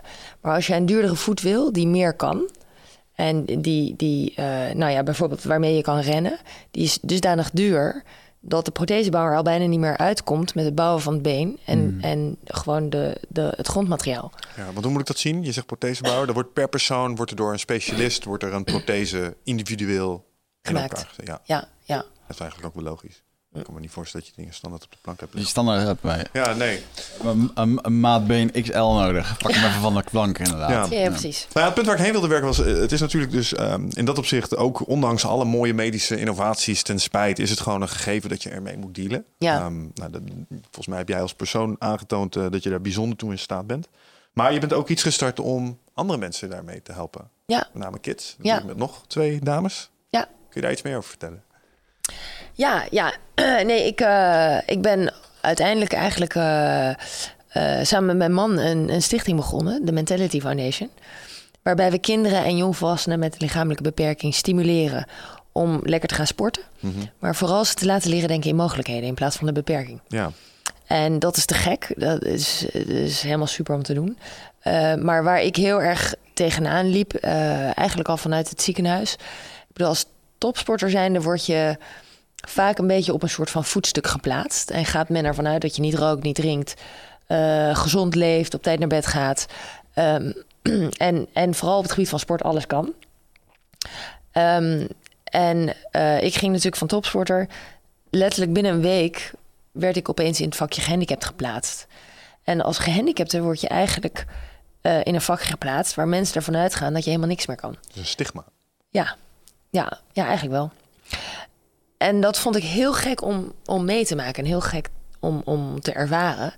En hoe meer mensen mij eigenlijk vertelden wat ik allemaal niet meer kon, eh, hoe meer ik daar een beetje rebels van werd en dacht van ja, maar luister, jij gaat mij echt niet vertellen wat ik allemaal kan en niet. Ehm, en ehm, eigenlijk gewoon zelf ben gaan uitvinden wat ik nog kon en niet. Ik ben gewoon dingen gaan uitproberen. En ik ben tot op de dag van vandaag eh, inmiddels bijna 17 jaar verder. En ben ik nog nooit iets tegengekomen wat ik niet meer kan door het feit dat ik mijn onderbeen mis. En ik ben ervan overtuigd dat als ik dat kan, er een heleboel andere mensen zullen zijn met een lichamelijke beperking die dat ook zo kunnen. Ja. Alleen moeten die mensen misschien een beetje een zetje hebben of een voorbeeld hebben. Nou, en daar is een beetje de stichting voor. Oké. Ehm, ja, mensen echt te laten ervaren door middel van clinics die we organiseren. Mensen daadwerkelijk te laten ervaren dat ook zij nog kunnen snowboarden of wakeboarden of golfsurfen of eh, dat soort sporten. Sporten waarvan je niet direct zal zeggen op het moment dat je een handicap hebt van nou dat ga ik even uitproberen. Precies. Ehm, en het is waanzinnig om te zien dat ik bedoel, de aanstaande zondag hebben we weer zo'n dag. ehm, waarbij gewoon mensen die een beperking hebben eh, het snowboarden kunnen gaan uitproberen. En ik denk dat 80 à 90 procent van de mensen die naar zo'n clinic komen, naar me toe komen van tevoren en zeggen van, Biep, ik heb dit een keer op tv gezien. ik denk niet dat ik het kan, maar ik wil het gewoon een keer proberen.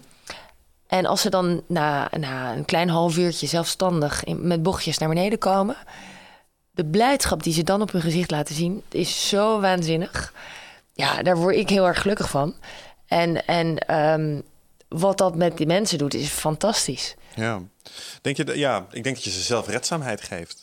Ja, ja, ja, inzicht absoluut. tot zelfredzaamheid. Absoluut, absoluut. Nou, ik, ik heb ook zo'n verhaal met een, een meisje dat heel graag zich ook wilde plaatsen voor de Paralympische Spelen. En ze heeft het eh, helaas op een haar na niet gered. Maar ehm, toen ze mij zei van, zei, joh Piep, ik wil, ik wil kijken of ik me kan plaatsen. Ik zei, nou Iels, dan gaan we gewoon trainen. Je moet fitter worden, je moet sterker worden. En dat gaan we doen onder begeleiding van een fysiotherapeut. En ik nam haar mee en ik was daarbij. En eh, we hadden een, een loopladder, zo'n speedladder neergelegd. Waarbij je eigenlijk gewoon de coördinatie van je voeten eh, traint. En elke oefening die ik ervoor deed, zei ze... Ja, maar dat kan ik niet. Ik zei, nou, waarom niet? Ja, kijk naar beneden, ik, ik mis mijn been. Ik zei, nou schat, kijk naar mij. Ik ook. en als ik het kan, dan ben ik ervan overtuigd dat jij het ook kan. En na vijf minuten deed ze gewoon iedere oefening na. En misschien niet zo snel als ik, maar ze deed het wel. En toen dacht ik van, ja, weet je, zie je wel, je kan het gewoon. En toen, even later, een paar weken later, kwam ze naar me toe. En ze zegt van, joh, weet je... ik vroeg vroeger altijd aan mijn vriendje... om wat thuis uit het keukenkastje te pakken van het bovenste plankje. Want dat komt niet bij. Ze zegt, ik ben van de week gewoon op het keuken, keukentrapje geklommen. En ik kan er wel zelf bij. Nou ja, op dat moment was zij... Ze was op haar zevende geamputeerd. Inmiddels was ze 24. Hmm. En heeft dus een hele lange periode gedacht... dat zij een heleboel niet meer kon... vanwege het feit dat ze onder mee miste. Ja. En dat is precies wat ik wil veranderen bij die kinderen. Want daarom richten we ook ons juist op kinderen. Want die moeten nog een hele leven voort met die beperking. En als ze op jonge leeftijd al kunnen leren dat ze nog veel meer kunnen dat dat, dan dat de buitenwereld ze zal aangeven dat ze kunnen. Maar inderdaad, dat stukje zelfredzaamheid, wat jij ook al aangeeft, eh, kan bijbrengen. Ja, dan heb je toch al enorm veel gewonnen. Ja. Hoe werkt dat met kids? En eh, het sociaal stigma waar je het net over had met eh, handicaps. Ik bedoel, als jij, je bent atleet of je bent normaal valide persoon en je gaat naar het ziekenhuis, je komt terug met een been minder, plots heb je dat stempel erop. Ehm, ik zag toevallig laatst een eh, filmpje op het internet van een meisje dat ook terug op school kwam na een amputatie met de benen. Zag haar met haar onderbeentje lopen en al die andere kindjes die kwamen eromheen staan. Die keken een keer, gaven een knuffel en een kusje en they were off en ze gingen spelen. Ja, Eh, is dat ook echt zo? Of was dat toevallig een uitzondering? Of hebben kinderen daar ook wel eh, integratieproblemen, zeg maar? nee, kinderen zijn heel makkelijk. Ja? Heel makkelijk. En dat is wel heel leuk, want ik, ik heb een zoontje, inmiddels 14. Maar toen hij naar de, naar de peuterspeelzaal ging... ehm, nou, toen was het eh, eh, eh, winter, dus, dus toen, toen was er niks aan de hand. Iedereen zag me gewoon in lange broek en niks aan de hand. En in de zomer haalde ik mijn zoontje op. En ik, ja, ik heb gewoon korte broek aan in de zomer. En dan zie je mijn prothese heel duidelijk. Ehm, wat ik grappig vond, is dat ondertussen de moeders op het schoolplein me al inderdaad al weken hadden zien staan en, en nooit iets tegen me zeiden, maar toch wel allemaal al met elkaar besproken hadden van, oh, dat is dat meisje met dat been en wat zou ze hebben en, en noem maar op. Maar eigenlijk me niet durfde aan. Het is gewoon een, wat een fenomeen, hè? Moeders bij schoolpleinen. Ja, Ja. ja, precies. ja, maar niet durven aan te spreken. En op een gegeven moment liep ik mee met mijn zoontje de klas in. En al die kinderen waren zo benieuwd. En dan heb ik het over vierjarigen. Hè? En die, die eerst een beetje kijken en een beetje schuchter. En dan kwamen ze iets dichterbij. En, nou, en, en inderdaad aan, aan mijn zoontje vragen van... Ja, is dat jouw mama? Ja, dat is mijn mama. Ja, maar hoe zit dat dan met dat been? En ik ben heel makkelijk daarin. Weet je, ik ben daar ook heel vrij in. Dus ik, eh, ik was heel open naar de kindjes toe. En ik zei van ja, jongens, dit is mijn been. Het is een beetje een gek been. Maar ja, mijn, mijn echte been was een beetje ziek. En toen heeft de dokter er een stukje vanaf moeten zagen. En eh, ja, dat groeit niet meer aan. Maar nu heb ik dit been. En eh, daar kan ik toch nog alles mee. Nou, en dan kijken ze me wel een beetje aan. En zeg maar niet aan mijn, aan mijn tenen kietelen, hè, want die krie- kriebelen. Nou, vervolgens vlogen die kinderen allemaal op mijn tenen af. En raakten het aan en, en zaten aan mijn been te friemelen. En, en vonden het eigenlijk doodnormaal. En ehm, het leukste was nog dat een jaar later het vriendje van mijn zoontje naar me toe kwam. eh, en die waren thuis bij ons aan het spelen. En zei hij, Bibian, mag ik je wat vragen? Wanneer groeit je echte been nou weer aan? Ik zo, nou schat, dat gaat niet meer gebeuren. Dit is het been wat ik hou. Nou, dat vond hij toch wel heel erg zielig. Ja, ja, maar zo makkelijk. Weet je, als je kinderen uitlegt waarom iets is... dan begrijpen ze het en dan is het heel normaal. En er heerst zeer zeker nog een stigma. Want volwassenen zijn erin getraind... en die denken dat ze niets mogen zeggen... en, en er vooral niet naar mogen kijken. Waarom is dat? Wat is dat toch? Ik denk dat het eh, te maken heeft met de beeldvorming eh, die men heeft van mensen met een beperking. En ik bedoel, als je nu mensen met een beperking op straat ziet lopen, eh, toch het gros van de Nederlander denkt van, goh, wat zielig. Terwijl ik je kan vertellen dat ik absoluut niet zielig ben. Ik heb het nou meegemaakt, maar ik ben niet zielig. Nee. En ik, ehm, thuis word ik door mijn man en zoon eh, vaak neergezet van... ja, maar jij bent niet minder beperkt, je bent meer beperkt, mama... want je kan veel meer dan de moeders in mijn klas, uit mijn klas. En ehm, ja, ik voel me ook niet beperkt, weet je. Nogmaals, ik, als ik 's ochtends mijn benen aantrek, heb ik gewoon twee benen. Ja. Als je er nu op terugkijkt en eh, je hebt dit allemaal al meegemaakt, denk je Mhm. ook dat je er mede door de ontberingen die je hebt meegemaakt en door het feit dat je nu een uitdaging echt hebt overwonnen, dat je er een soort van sterker uitgekomen bent? Natuurlijk een beetje een cliché, maar Ehm, sterker weet ik niet. In die zin dat ik... ehm, ik ben opgevoed door een moeder die ontzettend positief in het leven stond. Of staat, gelukkig. Want ze is er nog. Ehm mam. ah, liever. Eh, nee, ze staat ontzettend positief in mijn leven. En ze heeft me altijd geleerd om te kijken naar het glas dat half vol is. En altijd gezegd van, joh, hoe slecht de situatie er ook uitziet. Tuurlijk is er tijd en ruimte om verdrietig te zijn of te rouwen of wat dan ook. Maar achter die donkere wolk schijnt altijd ergens wel de zon. En eh, probeer er wat moois van te maken, want jij bent de enige die dat kan. En ehm, ja, dat, dat heeft mij enorm geholpen in het hele proces wat ik heb meegemaakt. En, en probeer ik inderdaad altijd naar eh, vrijwel direct te kijken naar oplossingen en te denken in oplossingen. In plaats van te bezinken in het verdriet, zeg maar. Ja. En eh, ik kies er dan ook weer bewust voor om niet te verdrinken in mijn eigen verdriet. Want natuurlijk is dat verdriet er wel. En, Ja. eh, en geef ik dat verdriet ook zeker de ruimte. Dat doe ik het liefst achter gesloten deuren en gewoon met mijn, met mijn man. Ehm, maar, maar dat, natuurlijk is dat er. Weet je, ik ben ook maar mens. ja. Ehm, maar het, ma- het mag er zijn. Maar ik, ik kies ervoor om daar een einde aan te zetten. en Een punt achter te zetten. En ik heb ook eh, momenten dat ik denk van... oké, nu mag ik even verdrietig zijn.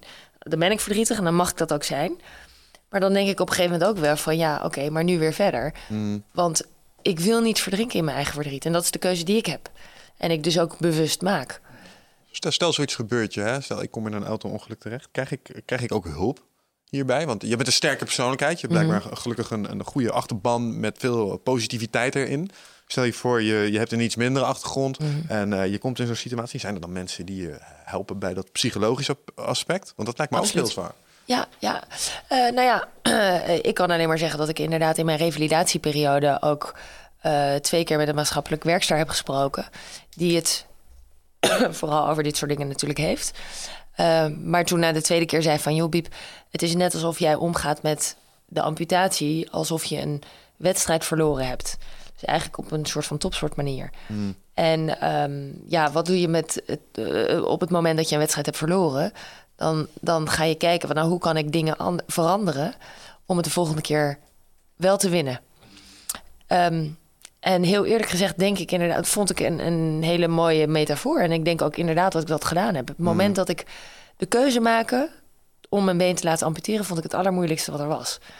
Maar daarna ging het boek dicht van Bibian met twee benen.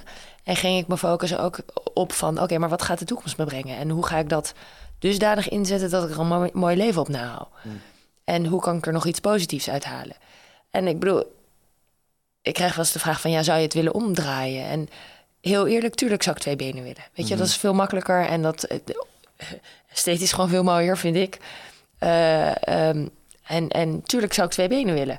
Maar ik zou niet dat willen opgeven wat ik, doordat ik mijn been ben verloren, allemaal heb mee mogen maken. Mhm. Want het heeft me zoveel moois gebracht ook. En daar heb ik geen seconde spijt van. Nee. En na je, eh, even, dit, want we hebben nu eigenlijk heel veel rondom dat stukje van die prothese, maar Mhm. eh, dat is eigenlijk alweer best wel lang geleden. Ja. Eh, jij bent daarna nog vol wedstrijden gaan doen. En eh wederom weer, eh, ook weer wat tegenslagen gehad. Ja, Kan je daar eens wat over vertellen? Over hoe dat, dat verlopen is gegaan tot nu? Ja, ja.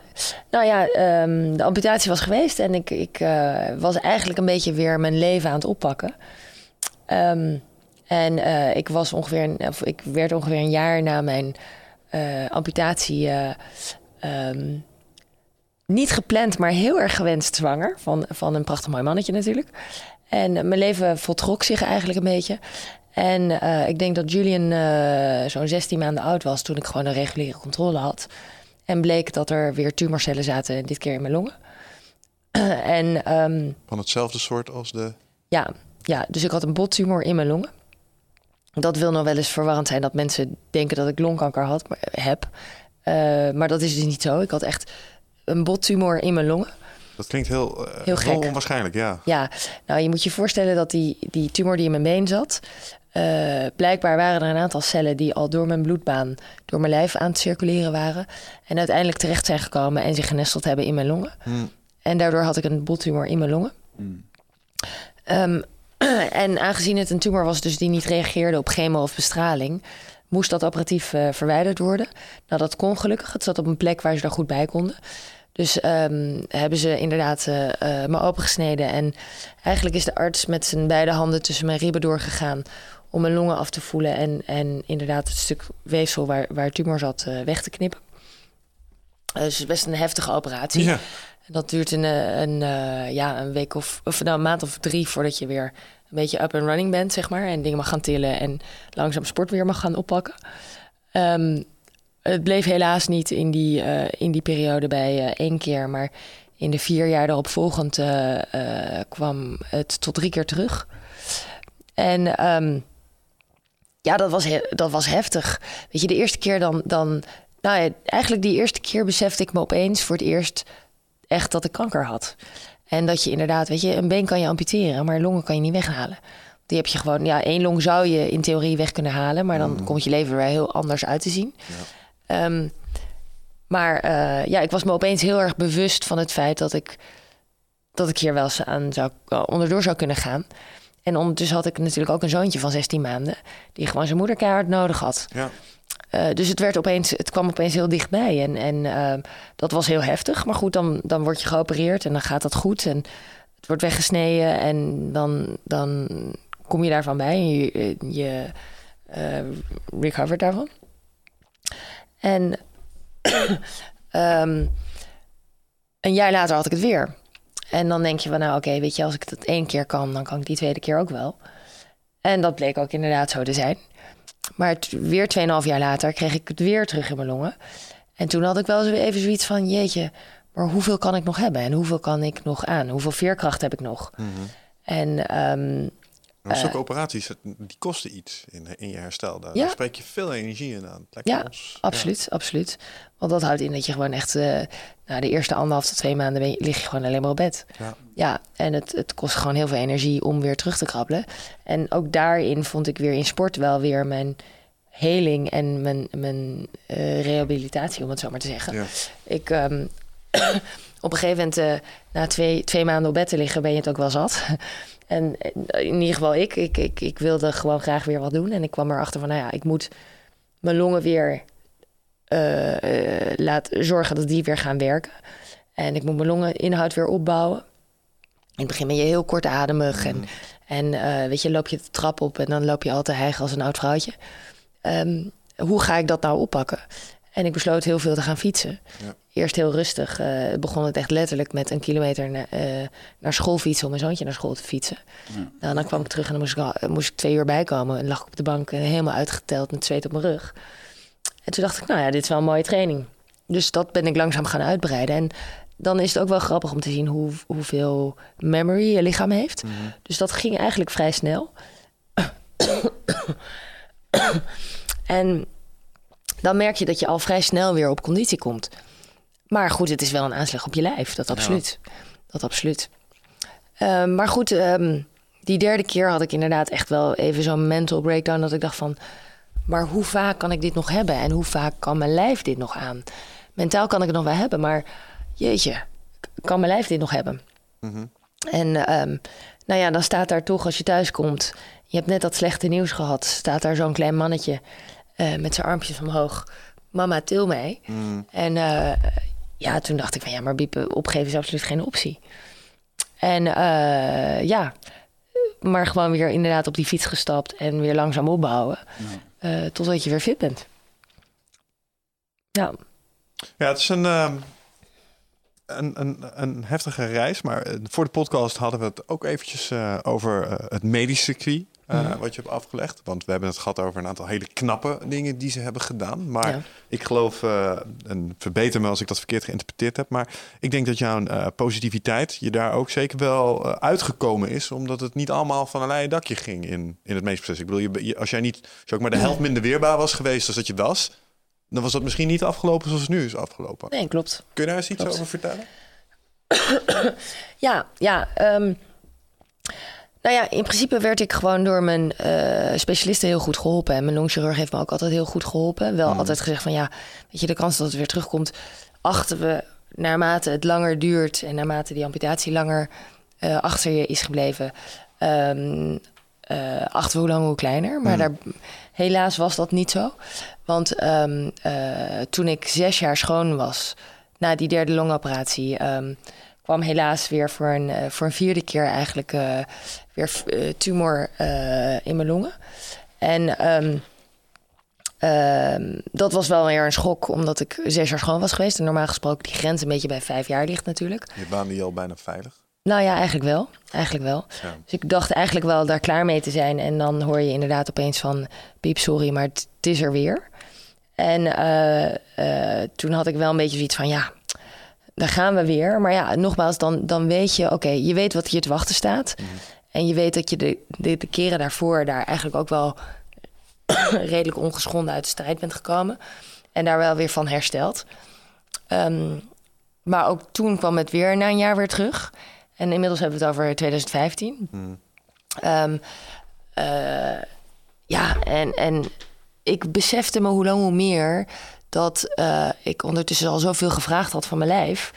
eh, dat ik dacht van ja, maar gaat dit nog wel goed komen? En eh, ik weet nog bij mijn vijfde longoperatie dat ik zoiets had van ja, ga ik nog wel wakker worden uit de narcose? Want ik bedoel, ook een narcose is een ontzettende aanslag op je lijf. Ja. En, en eh, ga ik wel weer wakker worden? En daar was ik me opeens, daar werd ik me hoe lang hoe bewuster van. En eh, de artsen geven natuurlijk ook aan van ja, iedere operatie is eigenlijk een risico, hoe klein die ook is. Maar er zitten bepaalde risico's aan vast. nou, die, gelukkig die vijf keer ging ook goed. Waar het niet dat wederom eh, nog geen jaar later eh, ze erachter kwamen dat de tumor ehm, weer terug was. Weer in je longen. Nou, dit keer niet in mijn longen, maar in mijn hilus. En dat zijn de lymfeklieren boven je longen, of bij je longen. Oh jee. Ja. En dat is een heel centrale plek in je lijf. eh, vlak bij de bronchiën. heel veel bloedvaten. relatief dicht bij het hart. En ze me letterlijk vorig jaar zeiden... joh Biep, ehm, het zit nu in je hilus. En, en eigenlijk kunnen we niks meer. Want daar kunnen we niet opereren. Dus we kunnen het niet operatie, eh, operatief verwijderen. Omdat mochten we je opereren en we zouden een bloedvat raken... eh, dan gaat dat bloeden. Dan stroomt dat direct je longen in. En dan, dan verdrink je eigenlijk in je eigen bloed op de operatietafel. Ehm, dus dat, dat is zo risicovol dat we dat niet handig achten op dit moment en, en niet als een oplossing zien. Het was nog steeds een tumor die niet reageerde op chemo.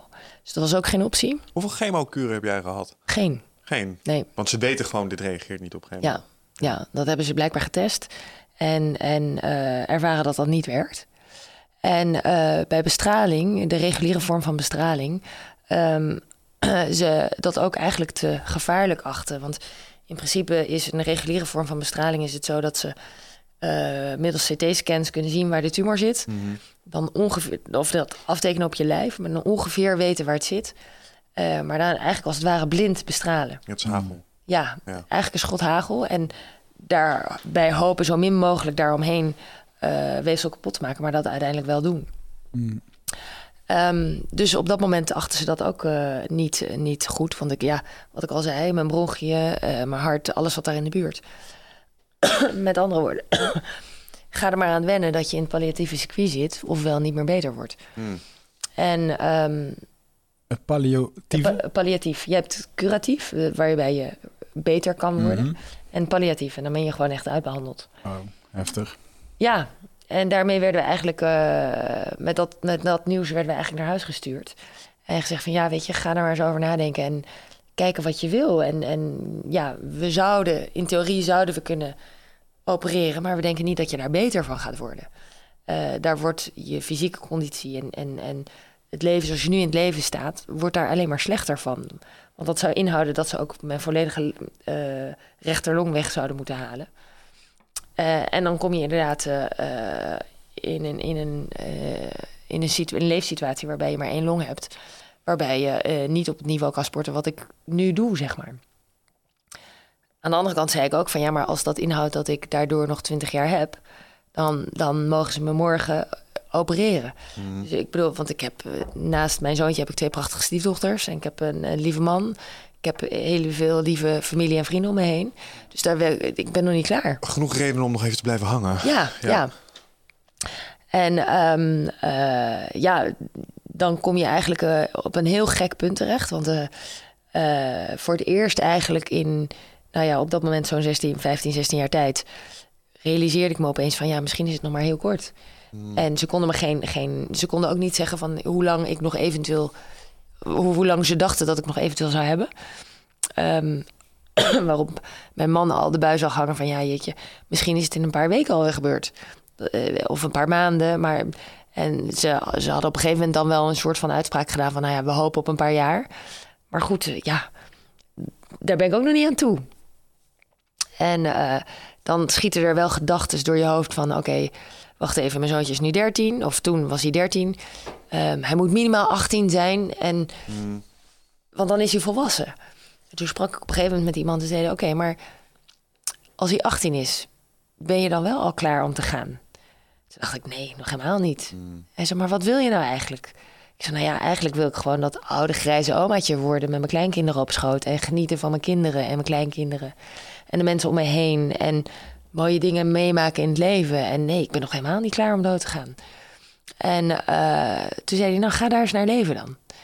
En toen gelukkig, en dat was al, al relatief kort nadat ik dit nieuws had gehoord, dus een kleine maand daarna, of nog niet eens, misschien een paar weken daarna, dat ik die knop weer omgezet heb en, en dacht van ja, inderdaad, weet je, wellicht heb ik nog het hele, ik ga gewoon leven alsof ik nog het hele, mijn hele leven voor me heb, in plaats van leven naar een, een eindstation of zo, wat eigenlijk relatief veel te dichtbij is, want dat wil ik helemaal niet. En ik krijg wel eens de vraag of dat dan een, een soort van kop in het zand techniek is of zo. En dat ik er gewoon niet aan wil denken. Maar nee, dit is alleen de keuze die ik maak, die mij helpt bij overleven. Ik denk ook dat het, eh, ook als het gaat om je doel is nog zo lang mogelijk van het leven te genieten. Ik denk dat dan juist je niet eh, slecht en heel gestrest hierover voelen het beste is wat je kunt doen. Nou, ben ik mee eens. Omdat die me- mentale, emotionele staat zal ook een weerslag hebben op je lichaam en een conditie creëren die, die het alleen maar bevordert. Nou, exact. Dat geloof ik. Dat geloof ik echt heilig. Exact, ja. Ja. Nou, het gekke was ook dat ik op het moment dat ik te horen kreeg dat ik eigenlijk opgegeven werd, ik net uit mijn seizoen kwam. Ik geloof dat seizoen hebben we met, met eh, mijn teammaatjes hebben we, ik geloof 24 eh, plakken mee naar huis genomen. Dus eh, de, echt heel goed geboerd, om het zo maar te zeggen. Geoogst. ja, en een heel goed seizoen gehad. En ik fitter dan ooit was, me sterker dan ooit voelde. En het eigenlijk ehm, door dat wat de dokters mij zeiden, van joh, je bent ziek. Ik dacht van ja, maar dat kan helemaal niet. Zo voelt mijn lijf helemaal niet. En ik ben wel iemand die geleerd heeft heel erg te luisteren naar het lichaam. Ik denk dat dat best wel een beetje kan, zeg maar. Dus ik, het, het, het klopte helemaal niet bij, bij wat ik voelde. En dat maakte het heel gek. En ehm, ja, ik had zoiets van, ja, weet je, het enige wat ik kan doen om te zorgen dat ik zo lang mogelijk hier nog ben, is te zorgen dat ik zo ge- gezond mogelijk leef en eh, mijn immuunsysteem zo hoog mogelijk hou, zodat mijn lijf het zoveel mogelijk aan kan. Ja. Eh, dus ehm, eh, probeer ik zo gezond mogelijk te leven. Dat houdt in, ik, ben- ik ben absoluut geen heilige. Eh, ik ben een zoete kou, moet ik eerlijk bekennen. Dus, ik- dus ik hou van zoet. Ja. Eh, alhoewel suiker... Ik, Ze hebben je vast wel verteld dat dat niet helpt. Nee, nee, nee, suikers. Nou ja, ik bedoel, ehm, eh, bijvoorbeeld als ik een PET-scan heb, dan spuiten ze je in met nucleaire suikers, omdat de tumoren eh, die suikers vooral heel goed opnemen. Mhm. En ze zich vooral voeden aan suikers, zeg maar. Dus ik ben wel van de een op de andere ge- ehm, gestopt, of in ieder geval geprobeerd te stoppen met, volledig, eh, met in ieder geval geraffineerde suikers te Mhm. eten. Ehm, fruit en zo, dat vind ik gewoon heel erg lekker. Dus dat, dat eet ik wel veel. Ja. En wat ik al zei, ik hou van zoet. En ik geloof ook heel erg dat je... ehm, het feit dat je soms dingen eet die, die je geluk brengen... en je, je Ja hoor. eh, zorgen voor endorfines... en die zijn ook weer goed voor je. Dus ik Ja. bedoel... En zorgen ervoor dat je misschien die gedisciplineerde levensstijl structureler kunt volhouden. Nou, exact. Exact. En dan helpt het weer, dan ondersteunt het. Ja. Heftig man. Ik word echt gewoon misselijk van alles wat je zegt in de zin van wat je allemaal hebt doorgemaakt. dat, eh, Ja, maar iedere keer dat geopereerd is of gesneden wordt, dan krimpt mijn maag in één. eh. Ja, en wat ik er zo, ehm, als ik naar mezelf kijk, zo frappant aan vind. Kijk, we zitten hier met drie mensen aan tafel. We weten alle drie dat we niet onsterfelijk zijn. Mhm. Maar voor jou is het op een of andere manier, omdat, ze, omdat iemand in een lapjas heeft gezegd dat het dichterbij is als voor ons. Gemiddeld genomen is het plots een ding. Terwijl Ja. het feit dat we er met z'n allen ooit aan moeten geloven, is niet anders. Nee, klopt. Hm. Ja, desondanks kan ik me, de, ja, de- desondanks is het zo makkelijk lullen als je natuurlijk niet in dat, eh, eh, in dat bootje zit. Nou, ik denk dat, weet je, ik, ik denk dat ik eh, me bewuster ben van het feit dat het gewoon eindig is. En daardoor misschien nog wel meer probeer te genieten van iedere dag. En, en ehm, tuurlijk moet je wel eens in het leven dingen doen die je minder leuk vindt. Mhm. Maar ik probeer me vooral te focussen op dingen die ik heel erg leuk vind. En daar het grootste deel van mijn tijd aan te besteden. En, Ja. en ehm, eh, wat het maakt dat het leven wat ik heb ontzettend leuk is. Ja. Ja. Zijn er nu dingen die je nu bent gaan doen? Er was, eh, we hebben het hier laatst in de podcast gehad over een boek. Het heette The Seven Day Weekend. En daar, dat is geschreven door een meneer. Zijn naam heeft mij, heeft mij even ontschromen. is een Braziliaan. En die heeft in zijn leven twee, en dat klinkt heel hard, zeker als ik dat nu zo mezelf zou zeggen, maar dat noemt hij twee terminale dagen. Dus hij doet twee dagen in zijn leven wat hij zou doen als hij in een Hmm. situatie zou zitten zoals jij zit, wetend dat er een eindstation is. En hij zegt, Ja. ik ben heel andere dingen gaan doen nu. Is dat ook waar voor jou? Eh, ja en nee. In die zin dat ik. Nou ja, wat ik zeg, ik ben me heel erg bewust van het feit dat het eindig is. Dus ik probeer inderdaad heel bewust keuzes te maken over wat ik leuk vind en wat ik niet leuk vind. Ja. Ehm, daarin ben ik veel strikter geworden voor mezelf. Ehm, eh, aan de andere kant, ehm, als je alles terugbrengt naar wat er echt belangrijk voor je is, komt dat juist neer op de hele simpele dingen. Ja. En, en een bucketlijst maken over wat je nog allemaal zou willen doen in het leven. Eh, tuurlijk moet je dat blijven doen en, en dingen blijven ontdekken. Althans, wil ik graag blijven ontdekken. En Mhm. dat vind ik heel erg leuk. Eh, maar als ik het terugbreng tot de kern, wat echt belangrijk voor me is, is het toch mijn gezin en liefde. En dat klinkt zo cliché, maar daar draait het om in de wereld. Clichés zijn met clichés voor een reden vaak. Ja, Dus, eh, ja, ja. Dus ehm, ja, weet je, gewoon veel tijd met mijn gezin doorbrengen en, en genieten van elkaar. En, ja. en, en met vriendinnen en, en mooie mensen om je heen. En ehm, op een gegeven moment heb ik ook wel bewust meer afstand genomen van mensen die me heel veel energie kosten. Ja, dat was nog een van de vragen die ik had, namelijk van Oh. wat zijn nou dingen die je niet meer gaat doen nu je dit weet, zeg maar. Wat doe je echt niet meer? Zo van, ah, hou op. Ja, ja, nou ja, Dat dus, met negatieve mensen blijkbaar. Ja, ja. ja weet je. En, en soms probeer ik dat nog wel hoor. Om, om, om ze op een andere gedachte te brengen.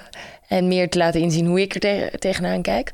Maar op een gegeven moment, als ik het gevoel heb dat ik aan een dood paard aan, aan het trekken ben. Ja, dan houdt het een beetje op. En dan, dan zal ik dat niet blijven proberen. Waar ik dat vroeger misschien langer zou doen. Ja. Dan denk ik, joh, dan niet. En, en ja, daar kan ik niks mee. Daar heb ik dan nog wel. Ja, denk jij dat er sommige mensen zijn die het ook echt niet kan laten inzien? Want ik, ik, Oh, herken, ja. ik denk dat ik het eh, type mens wat je omschrijft wel herken. En dan Mhm. herken ik, ik heb zelf ook wel eens opgegeven met zulke mensen. Denk ik, ja, misschien was het toch wel mogelijk geweest. Maar tegelijkertijd, sommige mensen zijn denk ik ook niet niet niet te helpen of redden. zo. Ja, ja. Ieder heeft zijn Dat is jouw conclusie en blijkbaar ruimte, toch? Ja.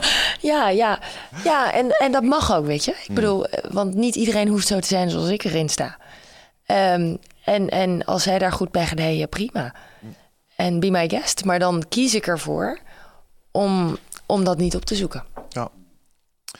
Misschien een beetje een zweverige vraag, maar ehm, denk je wel eens na over wat, eh, eh, wat, is nu straks, wat het doel was van wat je nu gedaan hebt en wat er nu straks gaat gebeuren?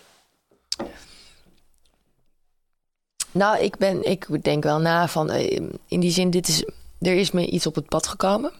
Waardoor ik ehm, eh, wel veel meer heb na kunnen denken van, ja, wat wil ik nou met mijn leven? En, en ik heb gemerkt dat ik het heel fijn vind om andere mensen te helpen. En dat doe ik door middel van de stichting. Dat doe ik door middel van mijn inzetten voor het KWF bijvoorbeeld. En, en andere mensen te helpen met mijn ervaringen te delen, waardoor ik hopelijk andere mensen kan ja, kan helpen, weet je. En als ik maar één iemand kan helpen met, met de dingen die ik allemaal heb meegemaakt, dan vertel ik mijn verhaal graag.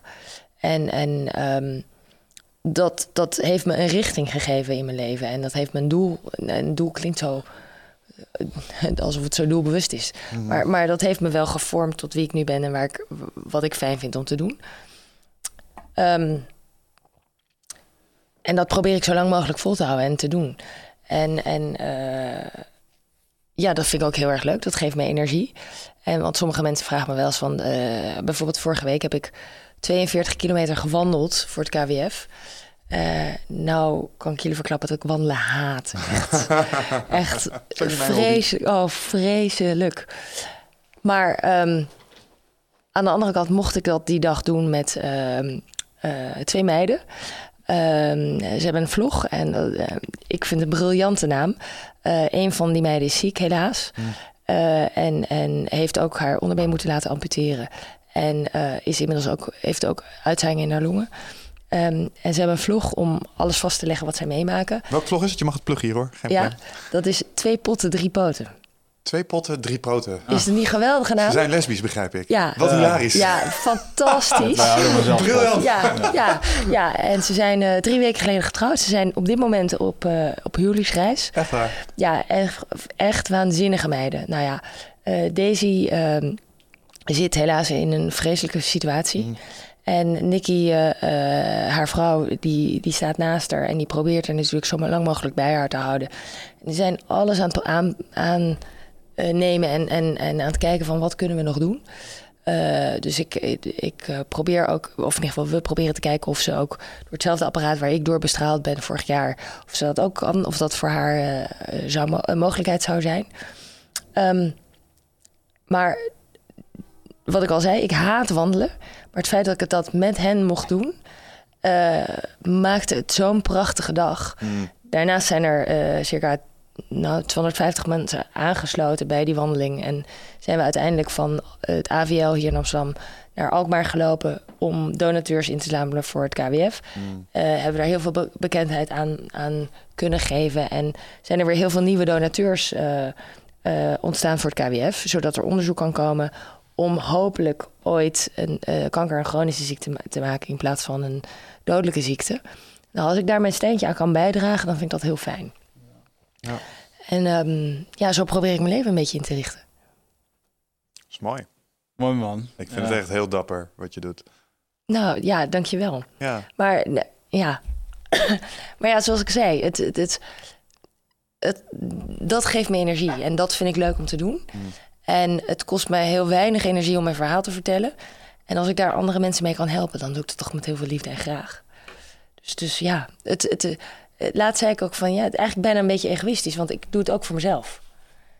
Omdat het me heel veel energie geeft. Dus, ehm, dus zo. En het is mijn manier van over- overleven. Mooi, dapper hoor. Ik heb er echt uitmuntend veel eh, respect voor hoe je het doet. Probeer ook wel mijn ding bij te dragen aan de wereld, maar als ik dan dit zo weer hoor, dan denk ik... dat, doet, eh, ja, dat doet veel joh. Ik, eh, Alle kleine beetjes helpen. ja, zeker. Iedereen Zeker heeft zo zijn eigen rol in, maar eh, Absoluut. ik denk dat je echt eh, een mooi voorbeeld bent voor een hele hoop mensen in de, die niet eens in jouw situatie komen, maar gewoon in het algemeen. En inmiddels heeft je verhaal natuurlijk het eindbasispubliek ook een beetje eh, weten te bereiken. Want er gaan hier natuurlijk ook nog wat mensen naar luisteren. Mm. Waar kunnen die mensen eventueel nog iets meer vinden over jou en wat je doet? Nou, dat kunnen ze vinden op, eh, op het internet gewoon. Als je mijn naam intoetst, bibianmentel.com, dan eh, kom je bij mijn website. Dat is een vrij statische website waar wat informatie staat hoe je me daadwerkelijk kan, kan benaderen, zeg maar. Maar daarnaast hebben we een website eh, over de stichting. Ja. En dat is mentalityfoundation.org. En daar staat in wat we met de stichting allemaal doen voor kinderen met een, met een lichamelijke beperking. En dat is een beetje mijn kindje, zeg maar. Ja, dat snap ik. Dus als je hier naar luistert en je zit in een soortgelijke situatie, dan kun je gewoon vrij als ouder of als kind Ja. kun je daar gewoon aankloppen. En dan, eh, Absoluut, heel graag. Bij stichtingen horen ook eh, donaties, toch? Dus eh, mochten mensen... Ja, ja, mochten mensen het leuk vinden, heel graag. Mooi. hij begon direct mooie muziekjes te Ja, dan begon de Ja. muziek. ja. Alright, ehm, we gaan hem afronden. Ja. Ik wil jou in ieder geval onwijs bedanken voor dat je hier wilde komen naar de studio. Uiteraard. Ja. Ja, waanzinnig verhaal. Meer kan ik er eigenlijk niet over zeggen. Dankjewel. Bedankt voor je komst. Tot de volgende keer. Luisteraars, tot de volgende keer. Ciao.